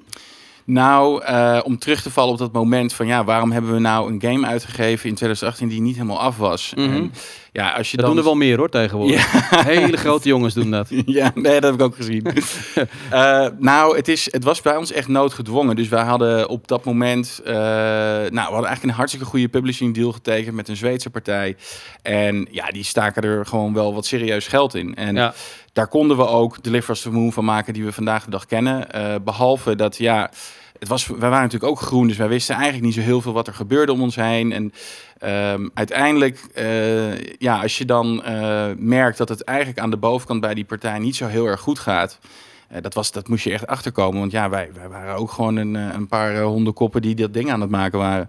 Maar uiteindelijk kom je daar wel achter. En dan merk je toch dat dingen wat lastiger worden. En uiteindelijk hebben we toch kunnen besluiten om ja, uit elkaar te gaan daarvoor. Want ja, Mhm. dat, dat, dat was niet meer houdbaar. En ja, dan ben je op jezelf aangewezen. Dus wat hebben we gedaan? Wat we toen hadden afgemaakt, of wat er toen was, hebben we zoveel mogelijk proberen te polishen, mooi te maken. En dat hebben we uiteindelijk zelf uitgegeven.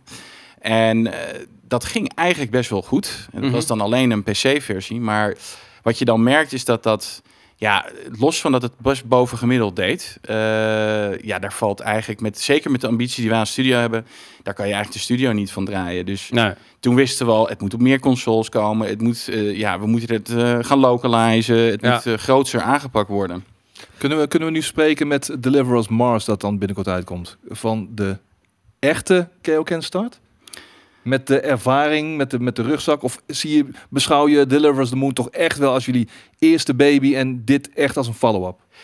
Ja, ik denk dat eh, eh, het lastige voor elke developer is als je dus, eh, nou, naarmate die release vordert, eh, je, je, je levert altijd een soort half werk af voor je gevoel. Mhm. Dat is natuurlijk helemaal niet zo, want je bent zo ja, gevangen door die bubbel dat je niet helemaal weet hoe goed die game al is of hoe mooi die al is. Nou, gelukkig heb je daar al wel dingen voor om dat te testen, maar eh, dus we zijn eigenlijk nu wat, wat trotser op Deliver Us the Moon eh, een tijdje daarna. Dus het heeft een beetje gerijpt eigenlijk die tijd en eh, kunnen we echt wel zien van nou, daar hebben we wel een mooie stap in gemaakt. Mhm. Ook de vervelende dingen die daar zijn gebeurd, die zijn echt vooral... eigenlijk zijn we daar best blij mee dat dat Ja. gebeurd is, want ja... Ja, je moet dat altijd eerst op je bek gaan, anders leer je het niet. Ja, ja, ja, wel goed op je bek hoor, kan ik Ja. zeggen. Dat, Ja, zijn er momenten geweest dat je dacht van... oké, misschien moet ik dan toch maar een, weet ik veel, software developer worden bij pff, een of andere zakelijke... ja, dat, misschien dat dat wel te ver ging, maar ik Viel heb het wel... tegen? Als je terugkijkt, laat ik het ik zeggen, binnen in, die moeilijke tijden had je, had je dat verwacht dat het zo zou zijn? Of ga je er misschien te romantisch in dat je ah, lekker met z'n allen een game maken, gezellig en dan breng je het uit en dan wauw, er worden er wat verkocht en dan komt het Ja. geld binnen en dan wie weet kan je er nog wel een maken? Of denk je, ik ben met allerlei zaken in aanraking gekomen. Damn. Ja, het is. eh, ik denk als je in dat moment zit, dan, eh, dan verklaar je jezelf wel 80 keer voor gek. En dan denk je, wat ben ik aan het doen en waar zit ik en, en, en moet ik dit nog wel blijven doen? Maar achteraf, eh, het heeft me niet die, die industrie uitgejaagd. Het heeft me eigenlijk eerder gemotiveerd om, nou ja, in ieder geval dit, dit niet nog een keer te laten gebeuren. In ieder geval niet op die manier. En ehm, ja, ik, ik, denk dat dat, eh, ik denk dat het met alles wat je graag wil bereiken, dat dat dromerige idee, dat, dat, daar begint het mee. En dat is eigenlijk allemaal leuk en aardig. Dat is ook in het begin van een spel, als je dat gaat verzinnen, dan kan je eigenlijk alles verzinnen wat je wil. Ja. En dat afmaken, dat laatste stuk, is altijd wat rauwer. Het is wat, het is wat, eh, ja, dat, dat is wat realistischer eigenlijk. Ja. Ja.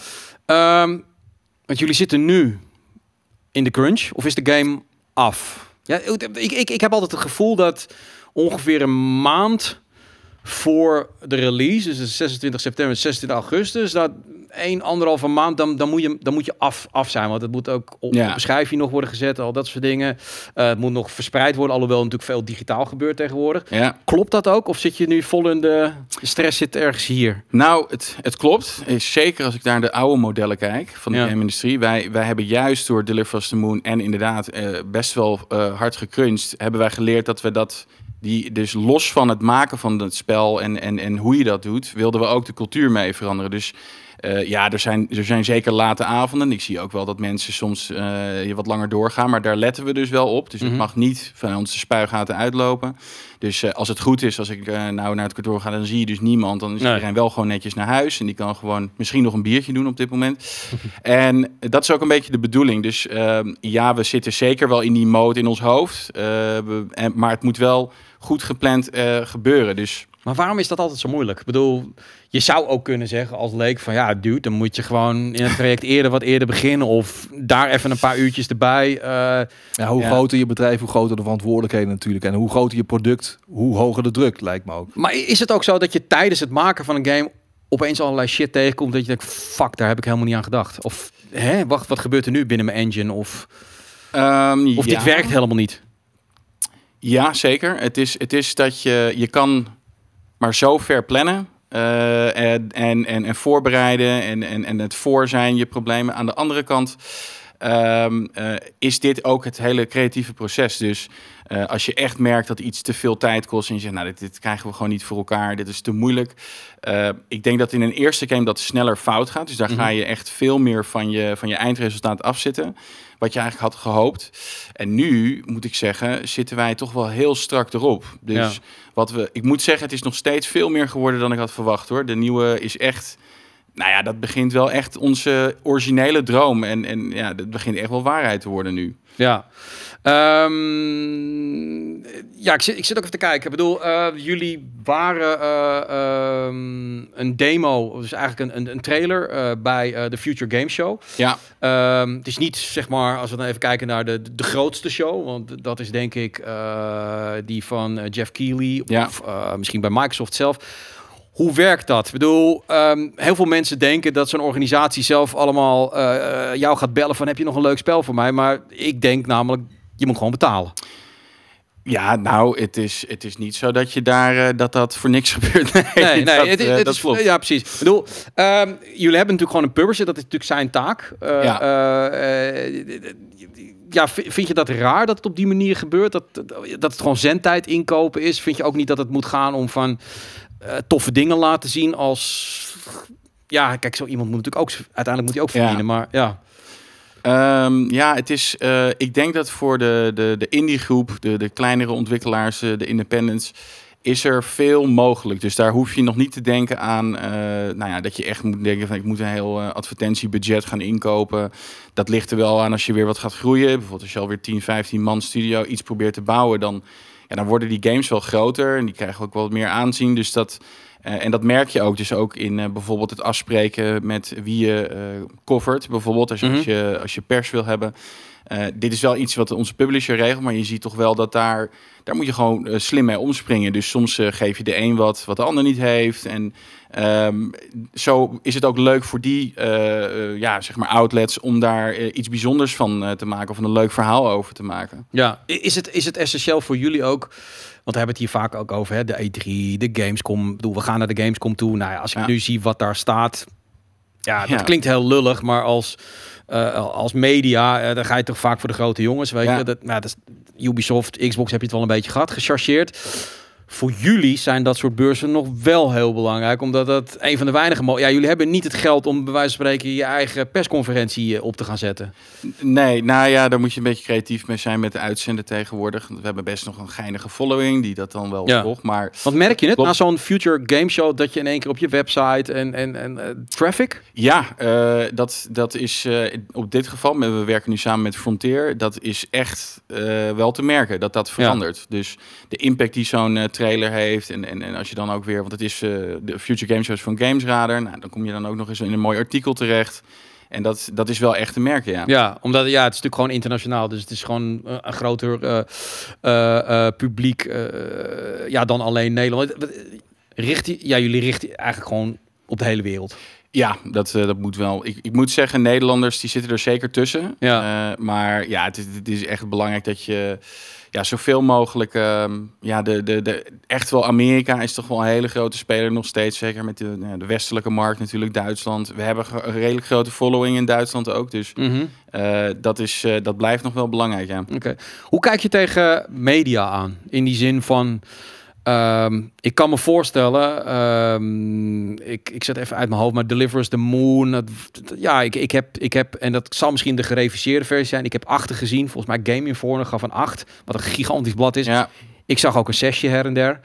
ja. Ehm, ja, hoe ga je daarmee om als je product misschien door iemand gewoon afgefakkeld wordt? Een zesje is niet per se afvakkelen, hè? Nee, maar bij wijze van spreken. Ik bedoel, ja, nee, ja, goed, maar of, of laat ik het zo zeggen, je, het gemiddelde cijfer van Deliver Us the Moon, wat je uiteindelijk hebt gekregen, als je dan even heel objectief kijkt, ja. vind je dat dan ook dat, dat de media dat goed doet, of denk je van, nee jongens, jullie snappen er echt helemaal geen ene hol van? Nou, het is, het is nooit leuk om iets, eh, iets vervelends te lezen. Dus Nee. het, het blijft wel echt dicht bij je hart staan. Maar ik moet zeggen, ik snapte de media wel heel erg goed eh, destijds. Eh, want ja, die krijgen gewoon een product voor hun neus en die gaan dat gewoon beoordelen. Ja, Ehm, ah, ik ben denk ik blij erom, omdat ik ook zie wat, de, wat de, de, de speler op dit moment gedaan heeft. Zeker als ik zie ook wat hij op Game Pass, daar hebben we echt meer dan een miljoen keer zijn we gespeeld. jezus. Dat is gewoon, ja, dat, zegt een heel, dat geeft een heel ander beeld, een ander Ja. verhaal. En eh, ik moet zeggen, dus ja, dus vanuit de media, wat er toen gezegd is daarover, dat begrijp ik eigenlijk goed. Eh, het is jammer dat ze die laatste versie niet hebben kunnen spelen, of de, zelfs de versie van nu. Eh, en het is natuurlijk onze eerste game, dus ik begrijp dan ook wel van, ja, goed, we, we hebben ook wel even wat fouten mogen maken hier en daar. Ja. Dus, ja. Is op een gegeven moment ook voor, voor, voor studio's, voor publishers dan social media en de gamer zelf belangrijker dan de media? Eh, vroeger was dat echt absoluut de media, want wij Mhm. waren de enige, en dan met wij bedoel ik de media, die zo'n game konden spelen. Dus, eh, de, en, en, en er was nog geen social media, dus ja, je kocht een blad of je keek Ja. naar een website. Vandaag de dag mond-to-mond reclame. Ja. Is dat voor jou meer waard dat een miljoen mensen eh, die game spelen op de Game Pass dan bijvoorbeeld? En dat ik, ik vroeg vond ik altijd leuk als je als je developers, de mensen die de game maakten, die keken nooit naar de Power Unlimited of naar die bladen. De Edge, dat was het. Als je in de Ja. Edge Ja. een 7 of een 8 had, nou, dat, Ja. weet je wel, dat, want dat waren de, de echte kenners, weet je wel. Hoe kijk je daar tegenaan? Vind je, is er voor jou eigenlijk ook de gamer belangrijker? Ehm, hmm, ik denk, ehm, ja. Nee, ik denk dat het eh, vandaag de dag is het interessant omdat je er eh, een, een paar bijzondere gesprekken uithaalt. Dus als wij worden geïnterviewd nu voor grote bladen en eh, zeker voor dat soort outlets en, en magazines, ja, dan, dan ontstaat er iets. ehm, Iets, iets leukers dan dat je gewoon eventjes een, een cover hebt en dat ze er even iets over zeggen of een screenshot posten. Dus ik vind media wel iets, iets specifieks geworden, iets gedetailleerds of zo. En inderdaad had je dat vroeger veel meer nodig. Eh, het is zeker wel belangrijk dat als ik zie naar ja, dat er een miljoen spelers die games spelen van ons op Game Pass, dat zegt wel wat. Ja, Eh, ja, dat, dan blijkt het toch wel redelijk. eh, en, en ook de completion rate, want dat is altijd. wij maken natuurlijk een linear narrative game. ja. Iets wat, ja, wat je gewoon van een single player, daar begin je van begin tot eind. En dan zie je dat heel veel van die singleplayers in het begin, nou ja, die, die halen hoge scores. Heel veel mensen komen nog door het begin heen. En dan op een gegeven moment gaat het helemaal naar beneden. Dus op het eind heb je er, nou ja, goed, misschien nog maar eh, een paar procent over eh, dat hem echt uitspeelt. Ja, Maar bij ons is dat echt heel hoog. Dus we hebben echt nog bijna de helft eh, die het nog op het eind vasthoudt, bijvoorbeeld. oké. Ja, Eigenlijk toch bizar. Ja, goed. Misschien dat, dat wij ook wel. speel, speel jij al je singleplayers uit? Bijna allemaal wel, ja. Ja. Ja, nee, zeker. Het, Elden hangt Ring, natuurlijk 200 nog wat uur. Ja, nee, nee, 125. Maar eh, het hangt er maar vanaf eh, hoe, eh, hoe, hoe, hoe die game begrijpt, hoe het verhaal begrijpt, hoe blijft het interessant, blijft het gevarieerd, Ja. hoe de spanningsboog, et cetera, et cetera. Er zijn, me- ik, bedoel, ik bedoel, ik game nu 45 jaar, ja. Ik heb ook zoiets van, eh, als jouw game gewoon kut is, sorry man. Als ik, nee, ja, maar ik heb ook, eh, nee, ja, na vijf uur merk ik wel van, hey, dit is Ja. een game die mij gaat grijpen of niet, weet je. Dus ik heb ook, soms hoor je wel, ja, nee, maar nee, je moet even 20 uur even, even, even Ja. doorbijten. Ja. Maar na die 20 uur dan word ja, rot op, ik heb meer te doen in mijn leven. Middenstuk is vaak het moeilijkste, hè? inderdaad, eh, voor, voor heel veel developers. Ehm, ja, we moeten ook langzaam een beetje gaan afronden. Ik had nog wel één vraag. Ja. En daarna krijg je nog de, de procedurally generated question. Maar ehm, Game Pass, daar had je het net even over. Ja. Ehm, de hele deals erachter, dat, dat, dat ga je sowieso niet vertellen. Maar ehm heel veel mensen zeggen... de criticasten zeggen Game Pass is slecht voor de industrie. Sterker nog, Jim Ryan die herhaalt het maar de hele tijd van ja, maar eh, dat kan niet. Eh, Dat gaat, het gaat ten koste van de games. Eh, want alles gaat, eh, alles moet steeds goedkoper worden. Ehm, ik hoor ook andere geluiden van mensen die zeggen van ja, maar door de Game Pass hebben een miljoen mensen mijn game. Dus blijkbaar gespeeld. Wat je in alle eerlijkheid waarschijnlijk niet had gehaald als hij full price op de markt lag. Ja. Ben jij tevreden met Game Pass als developer? Eh, zoals wij het hebben meegemaakt met Deliver Us the Moon, zeker. Eh, Ja.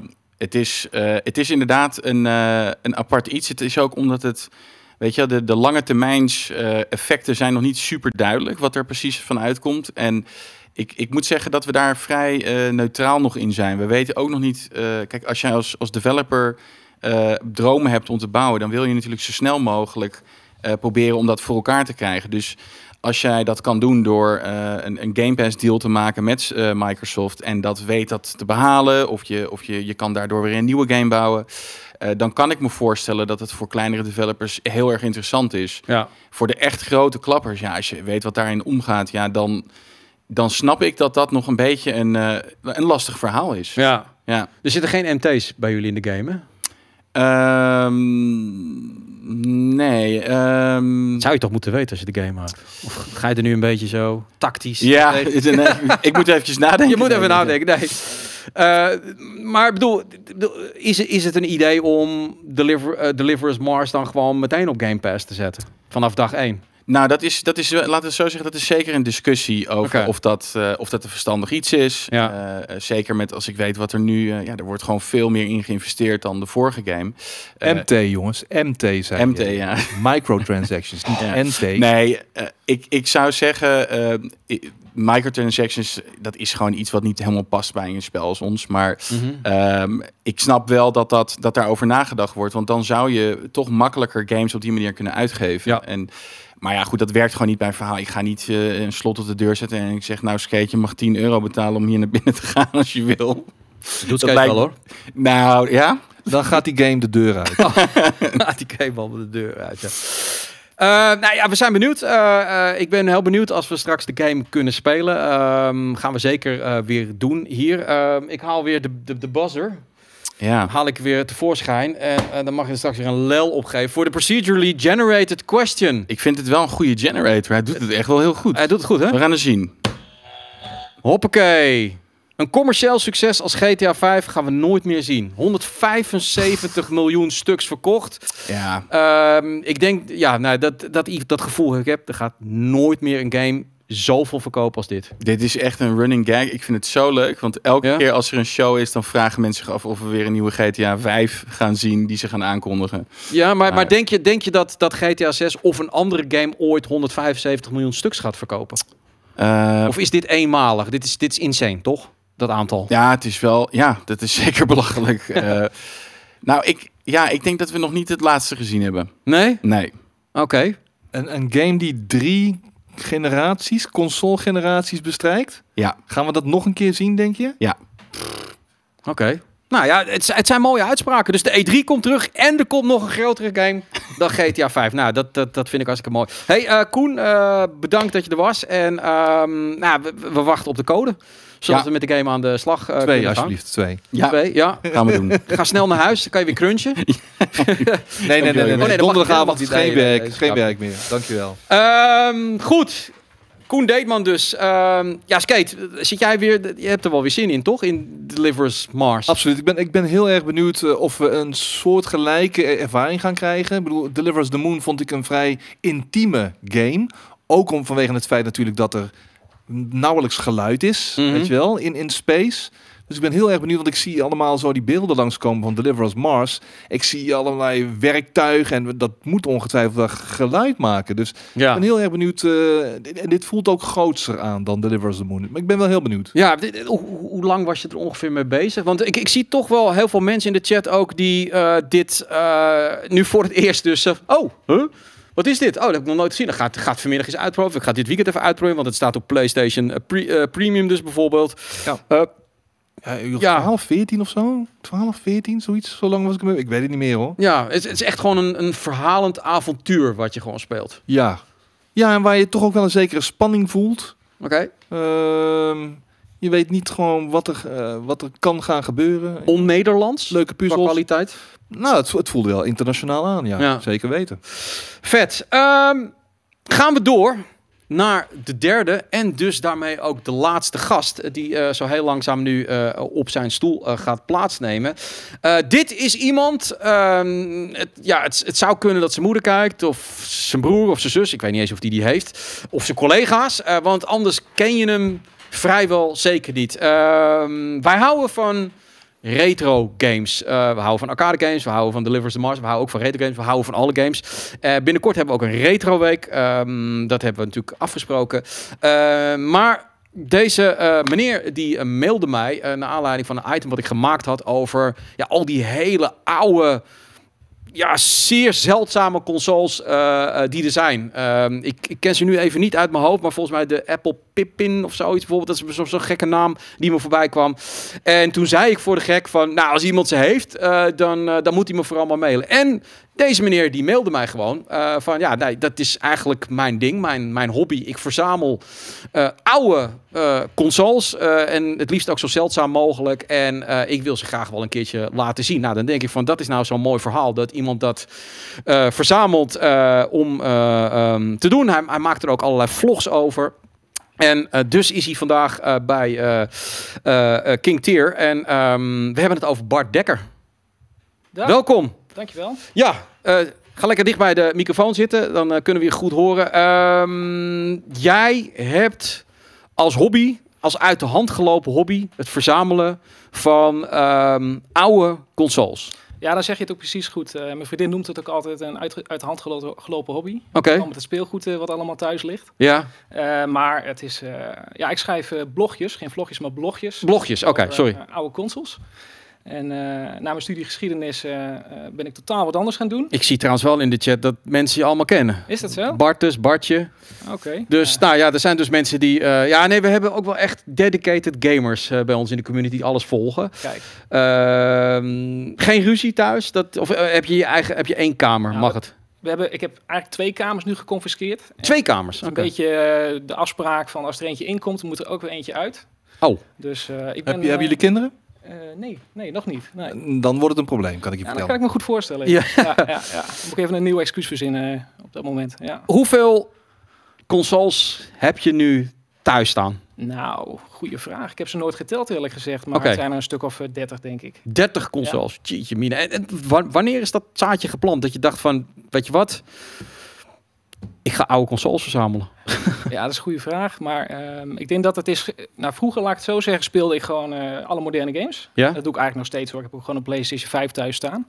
Eh, maar toen was ik bij een eh, vriend thuis en eh, die had een, een aantal Gamecubes en ook een hele verzameling aan oude Gamecube games. Ja. En dat vond ik zo leuk eh, dat ik dacht van, hey, weet je wat? Eh, ik ga me er eens even verdiepen. En eh, nou ja, van het een kwam het ander. Ja. Het nadeel is, als je verzamelaar bent en je hebt er één, Ja. en je gaat verder zoeken, dan heb je er op een gegeven moment een huis vol, om zo te zeggen. En eh, ja, zo is het gekomen. Ja. Etter John zegt ook, ik had dezelfde hobby, ben nu duizenden euro's rijker en ik heb er een kamer voor terug. Eh, inderdaad. Ja, je- probeer even inderdaad, anders schuif wat naar voren, dat je, in de, je stem is wat zachter.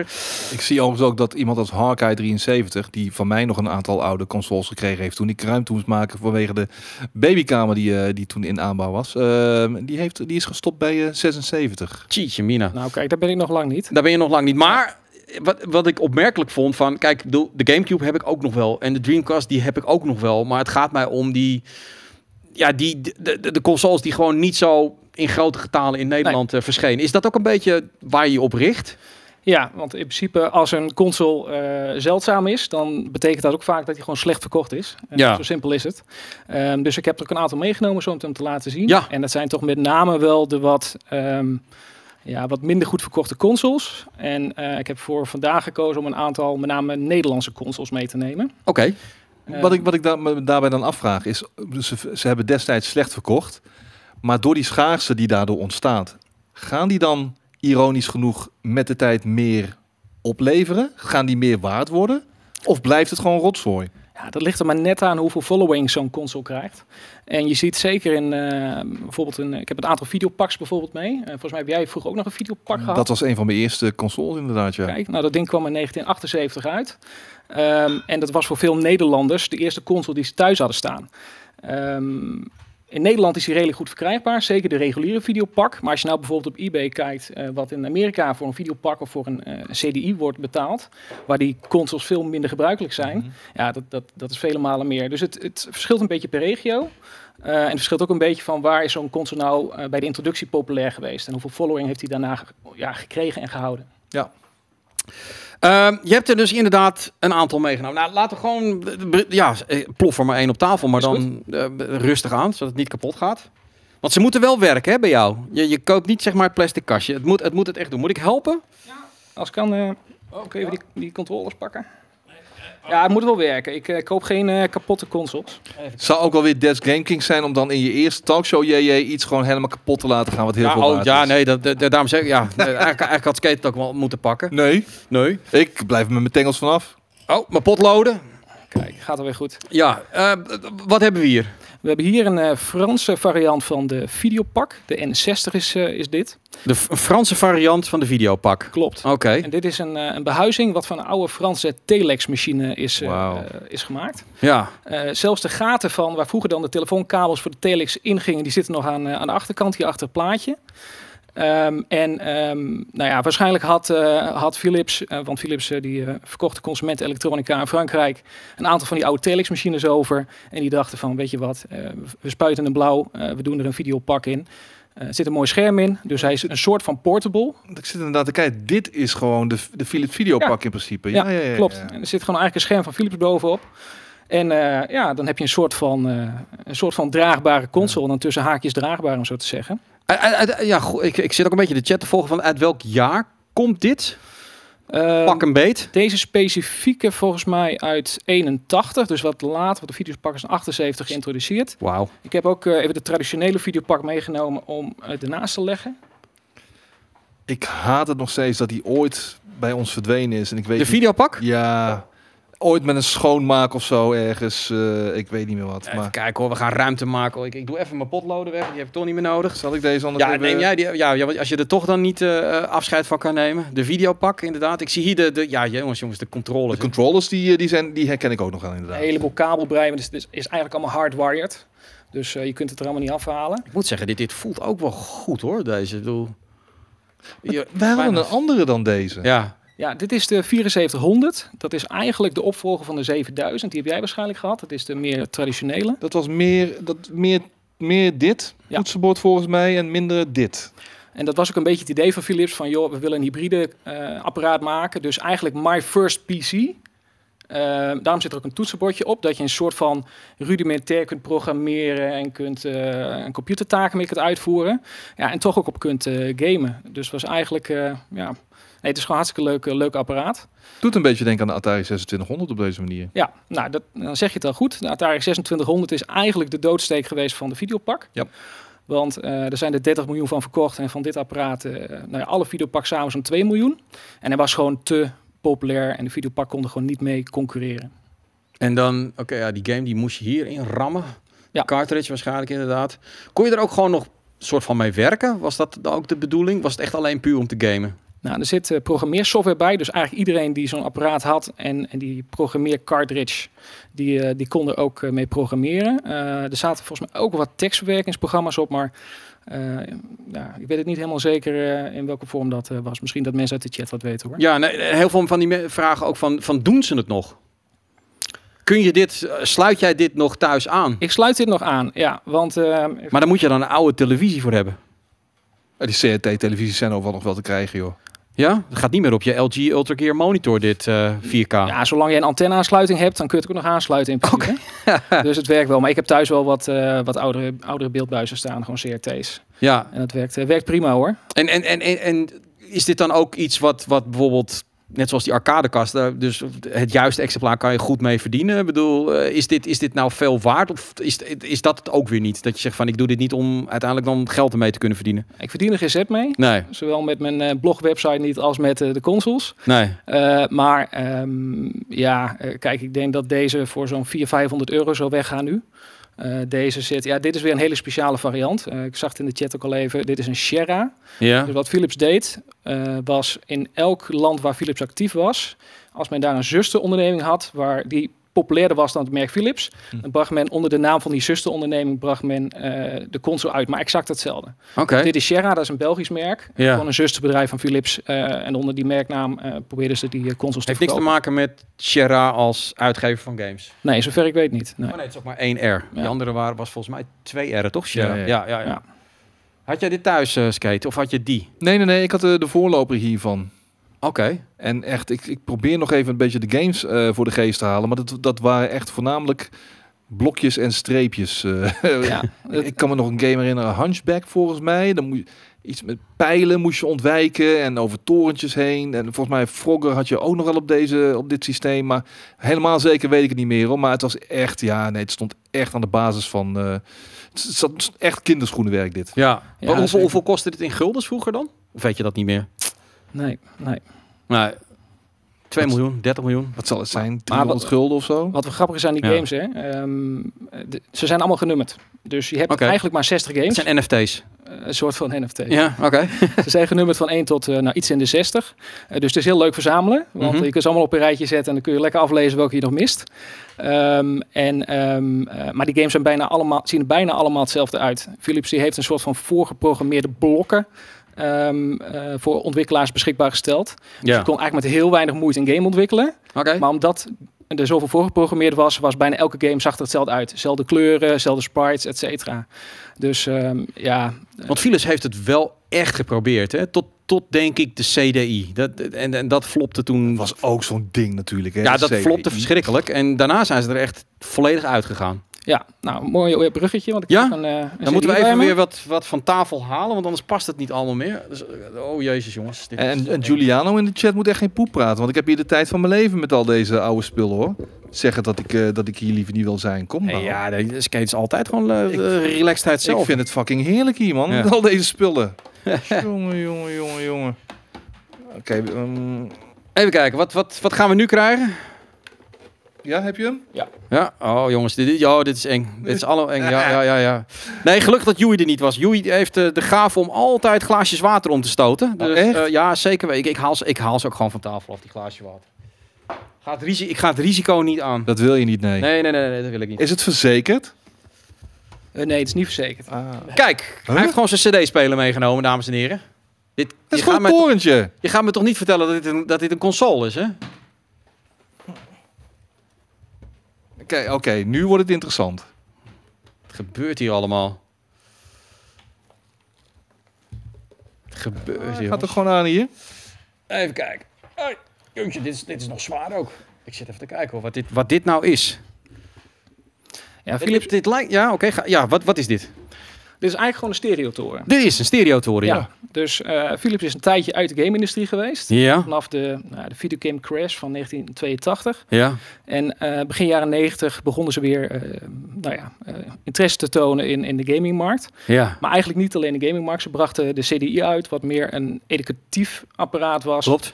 Plus dat je de video-cd's mee kon afspelen. Ja. Dus moest eigenlijk net als de, de Xbox One eh, in de woonkamer centraal staan. En Ah, eh, het moest iedereen plezieren.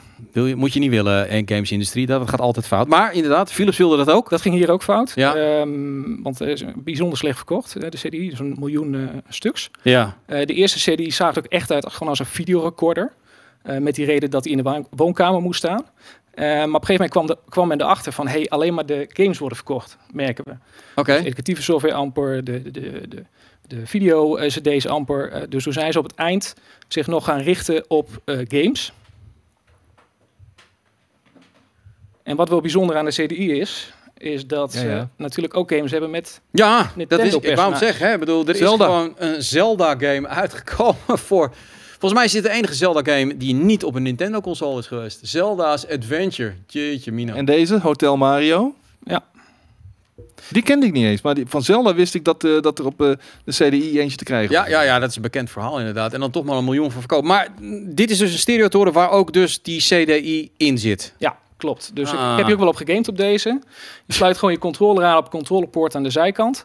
En eh, ik luister hier altijd tijdens het werk gewoon lekker radio mee. En, eh en Ja, ik- ik- na het werk dan, dan Toen ik puber was, had ik, had ik ook zo'n dingetje. Ik weet nog wel, zo'n zwart dingetje. Ja. Volgens, volgens mij Akai. Ik had een Akai. En dan van van die boxjes erbij. En, eh, en dan nam ik dan eh, s s'avonds de, hoe heet het nou, de... ah, de Soul Show op van Ferry Maat. Tuurlijk, Ja. donderdagavond van 8 tot 10. Maar bizar dat dit een console eh, is. eh. Ja, ja. Ja. en, en ehm, op een gegeven moment, toen men zag dat dus die, eh, die eh, met name de games eh, verkochten, ja. ging men ook steeds meer apparaten ontwikkelen die wat meer gericht waren op eh, de gamer. En op een gegeven moment zagen ze het ook meer uit als een gaming console. Ja, Philips had natuurlijk een heel breed portf- portfolio aan consumentenelektronica.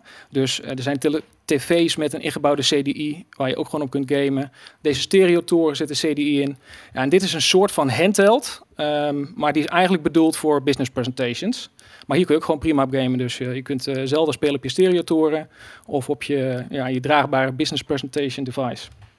Oké, ja, ik kan hem net niet zien. Skate, til hem eens omhoog. Maar dit is dus eigenlijk al een voorloper van de Switch. Ja, met heel doet het veel fantasie. Heel. Ja. Ik ken nog een Nederlands eh, product dat hierop is uit, hiervoor is uitgekomen. Rosebud. Dat is met eh, Peter Faber en, en Extins. Ja, klopt. Extins heeft Ja. daar toen ook nog Ja. een, eh, nummer voor gemaakt. En deze game is ook wel bijzonder, want deze is gemaakt door ehm, Lost Boys, als ik het goed heb. En dat is eigenlijk Boys. een soort van Ja, voorganger van eh, Guerrilla. klopt. Arjen, eh Arjen zat eerst bij Lost Boys en is daarna eh, overgestapt inderdaad naar, eh, naar Guerrilla. Ja, inderdaad. En Zelda, als ja, iemand zegt van je schrijft het toch niet met een S, het is apostrof S. Zelda's Adventures. Net zoals Assassin's Creed heb ik geleerd inmiddels van Skate. Maar ik doe het nog steeds fout. Maar ehm, ja, eigenlijk bizar. Ik, dit is ook nog wel een verhaal hoor. Van hoe, hoe hebben zij het voor elkaar gekregen om Nintendo gelicentieerd spul te verkopen? Ik, het is niet gemaakt door Nintendo. Het is namelijk volgens mij gemaakt door Viridis Corporation. En volgens mij tegenwoordig moet je met je tengels afblijven van Zelda. Of van Mario. Gelicentieerd, hè? Gelicentieerd Ja, het is niet gemaakt. Nintendo.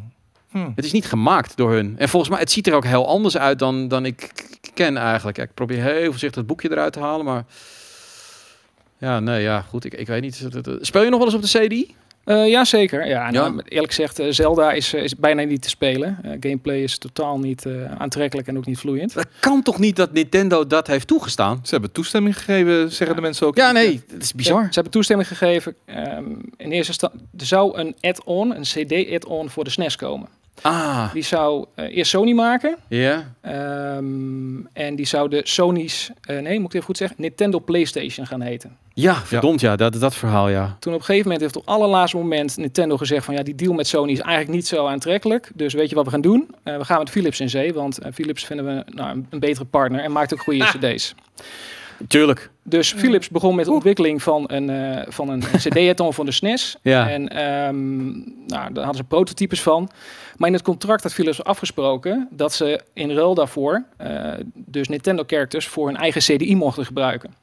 Uiteindelijk heeft Nintendo op het allerlaatste moment eh, toch eh, de CD add-on voor de SNES gecanceld. Ja, Ook omdat men zegt dat de Sega add-on, CD add-on, eh, niet zo goed verkocht. oké. Eh, maar Philips was slim en die had dat contract gesloten. Die zei van ja prima, maar ik ga gewoon eh, nou ja, op mijn CDI en Nintendo characters gebruiken.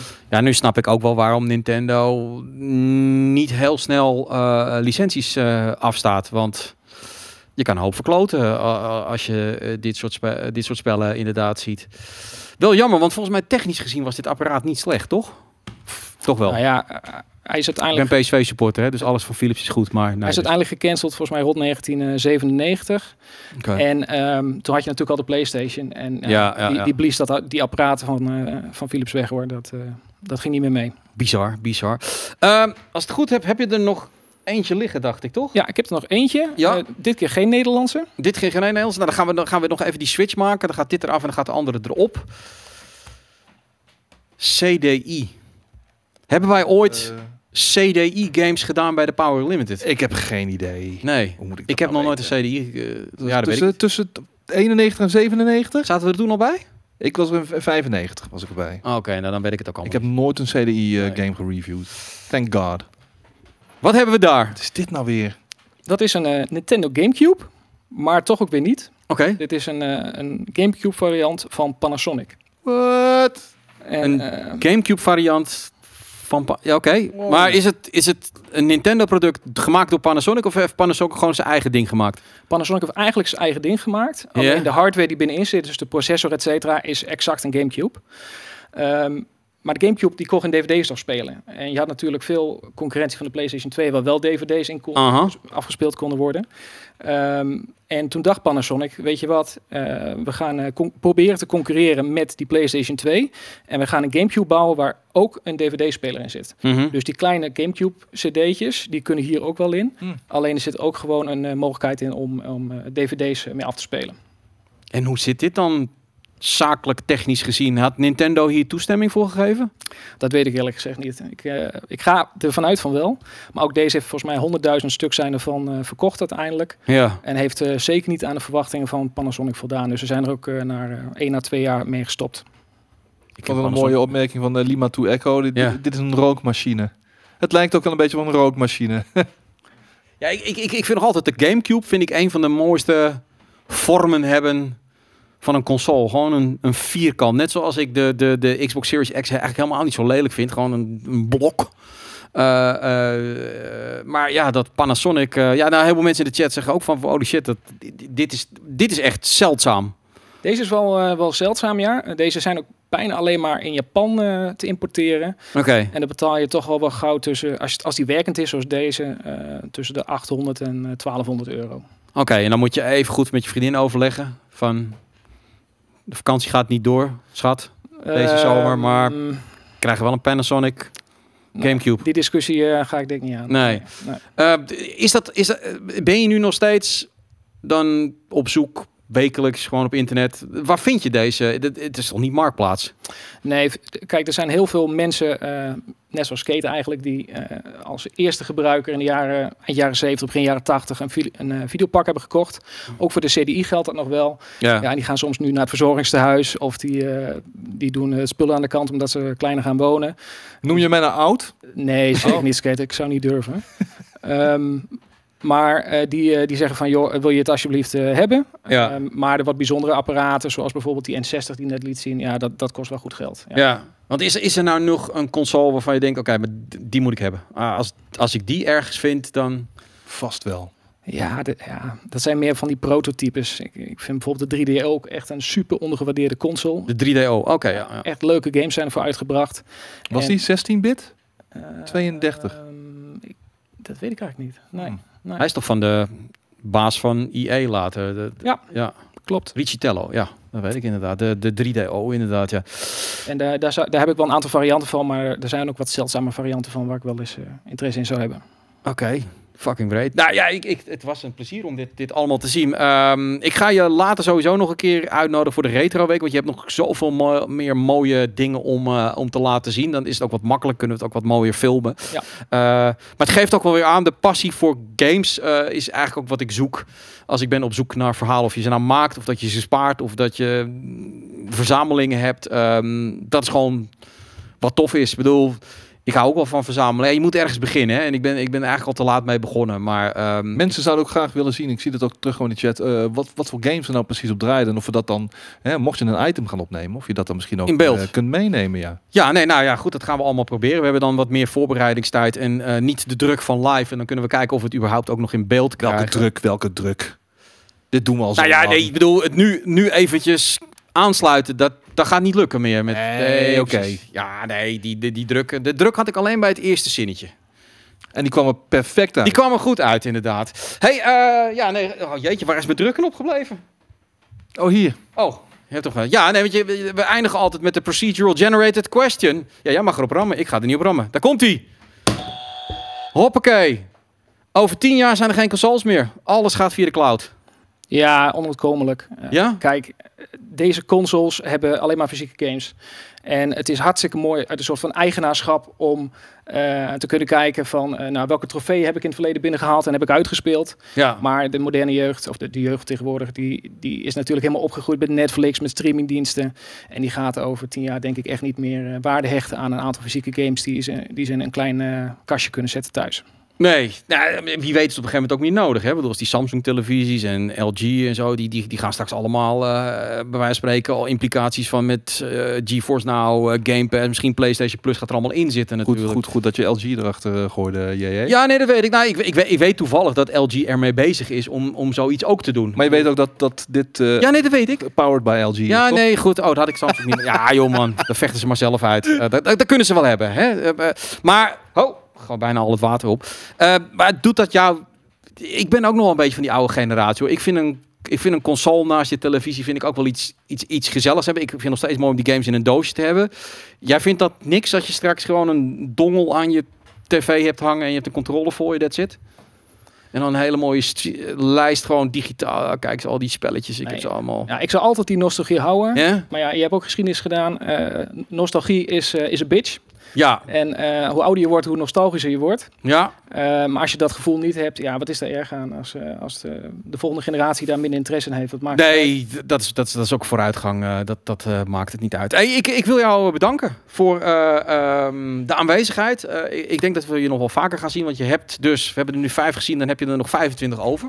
Ongeveer, ja. Ik hoop niet, ja, die moeten allemaal in de auto passen. Dat gaan we dan allemaal zien. Ehm, dat was hem dan. De allereerste editie van King Tier. Ik zeg het nu in één keer goed. Het gaat, gaat nog steeds beter wat dat betreft. Ehm, morgen. Dan staat dit, eh, ja, deze stream staat gewoon op eh, de website en eh, ehm, op YouTube. En het is ook nog eens een keer een podcast die je kunt luisteren, kun je het naluisteren. Ehm, ik hoop dat iedereen ervan genoten heeft. Laat het vooral weten in de comments. En nogmaals, als jij ook mensen kent in de industrie of iemand met een mooi verhaal, eh, mail het gewoon naar redactie@gamekings.tv. Eh, we zijn er altijd op zoek naar speciale verhalen, leuke verhalen om gewoon over te babbelen. Ehm, reviews en previews, dat doen we allemaal wel, maar passie voor games, dat is altijd wat ik erg tof vind. Ehm, bedankt Bart, Ook bedankt. bedankt Skate. Ja, het was leuk om erbij te zijn. Ja, eh, pas wel op dat Skate niet die videopak straks onder zijn eh, t-shirt eh duwt. Ehm, tot de volgende keer.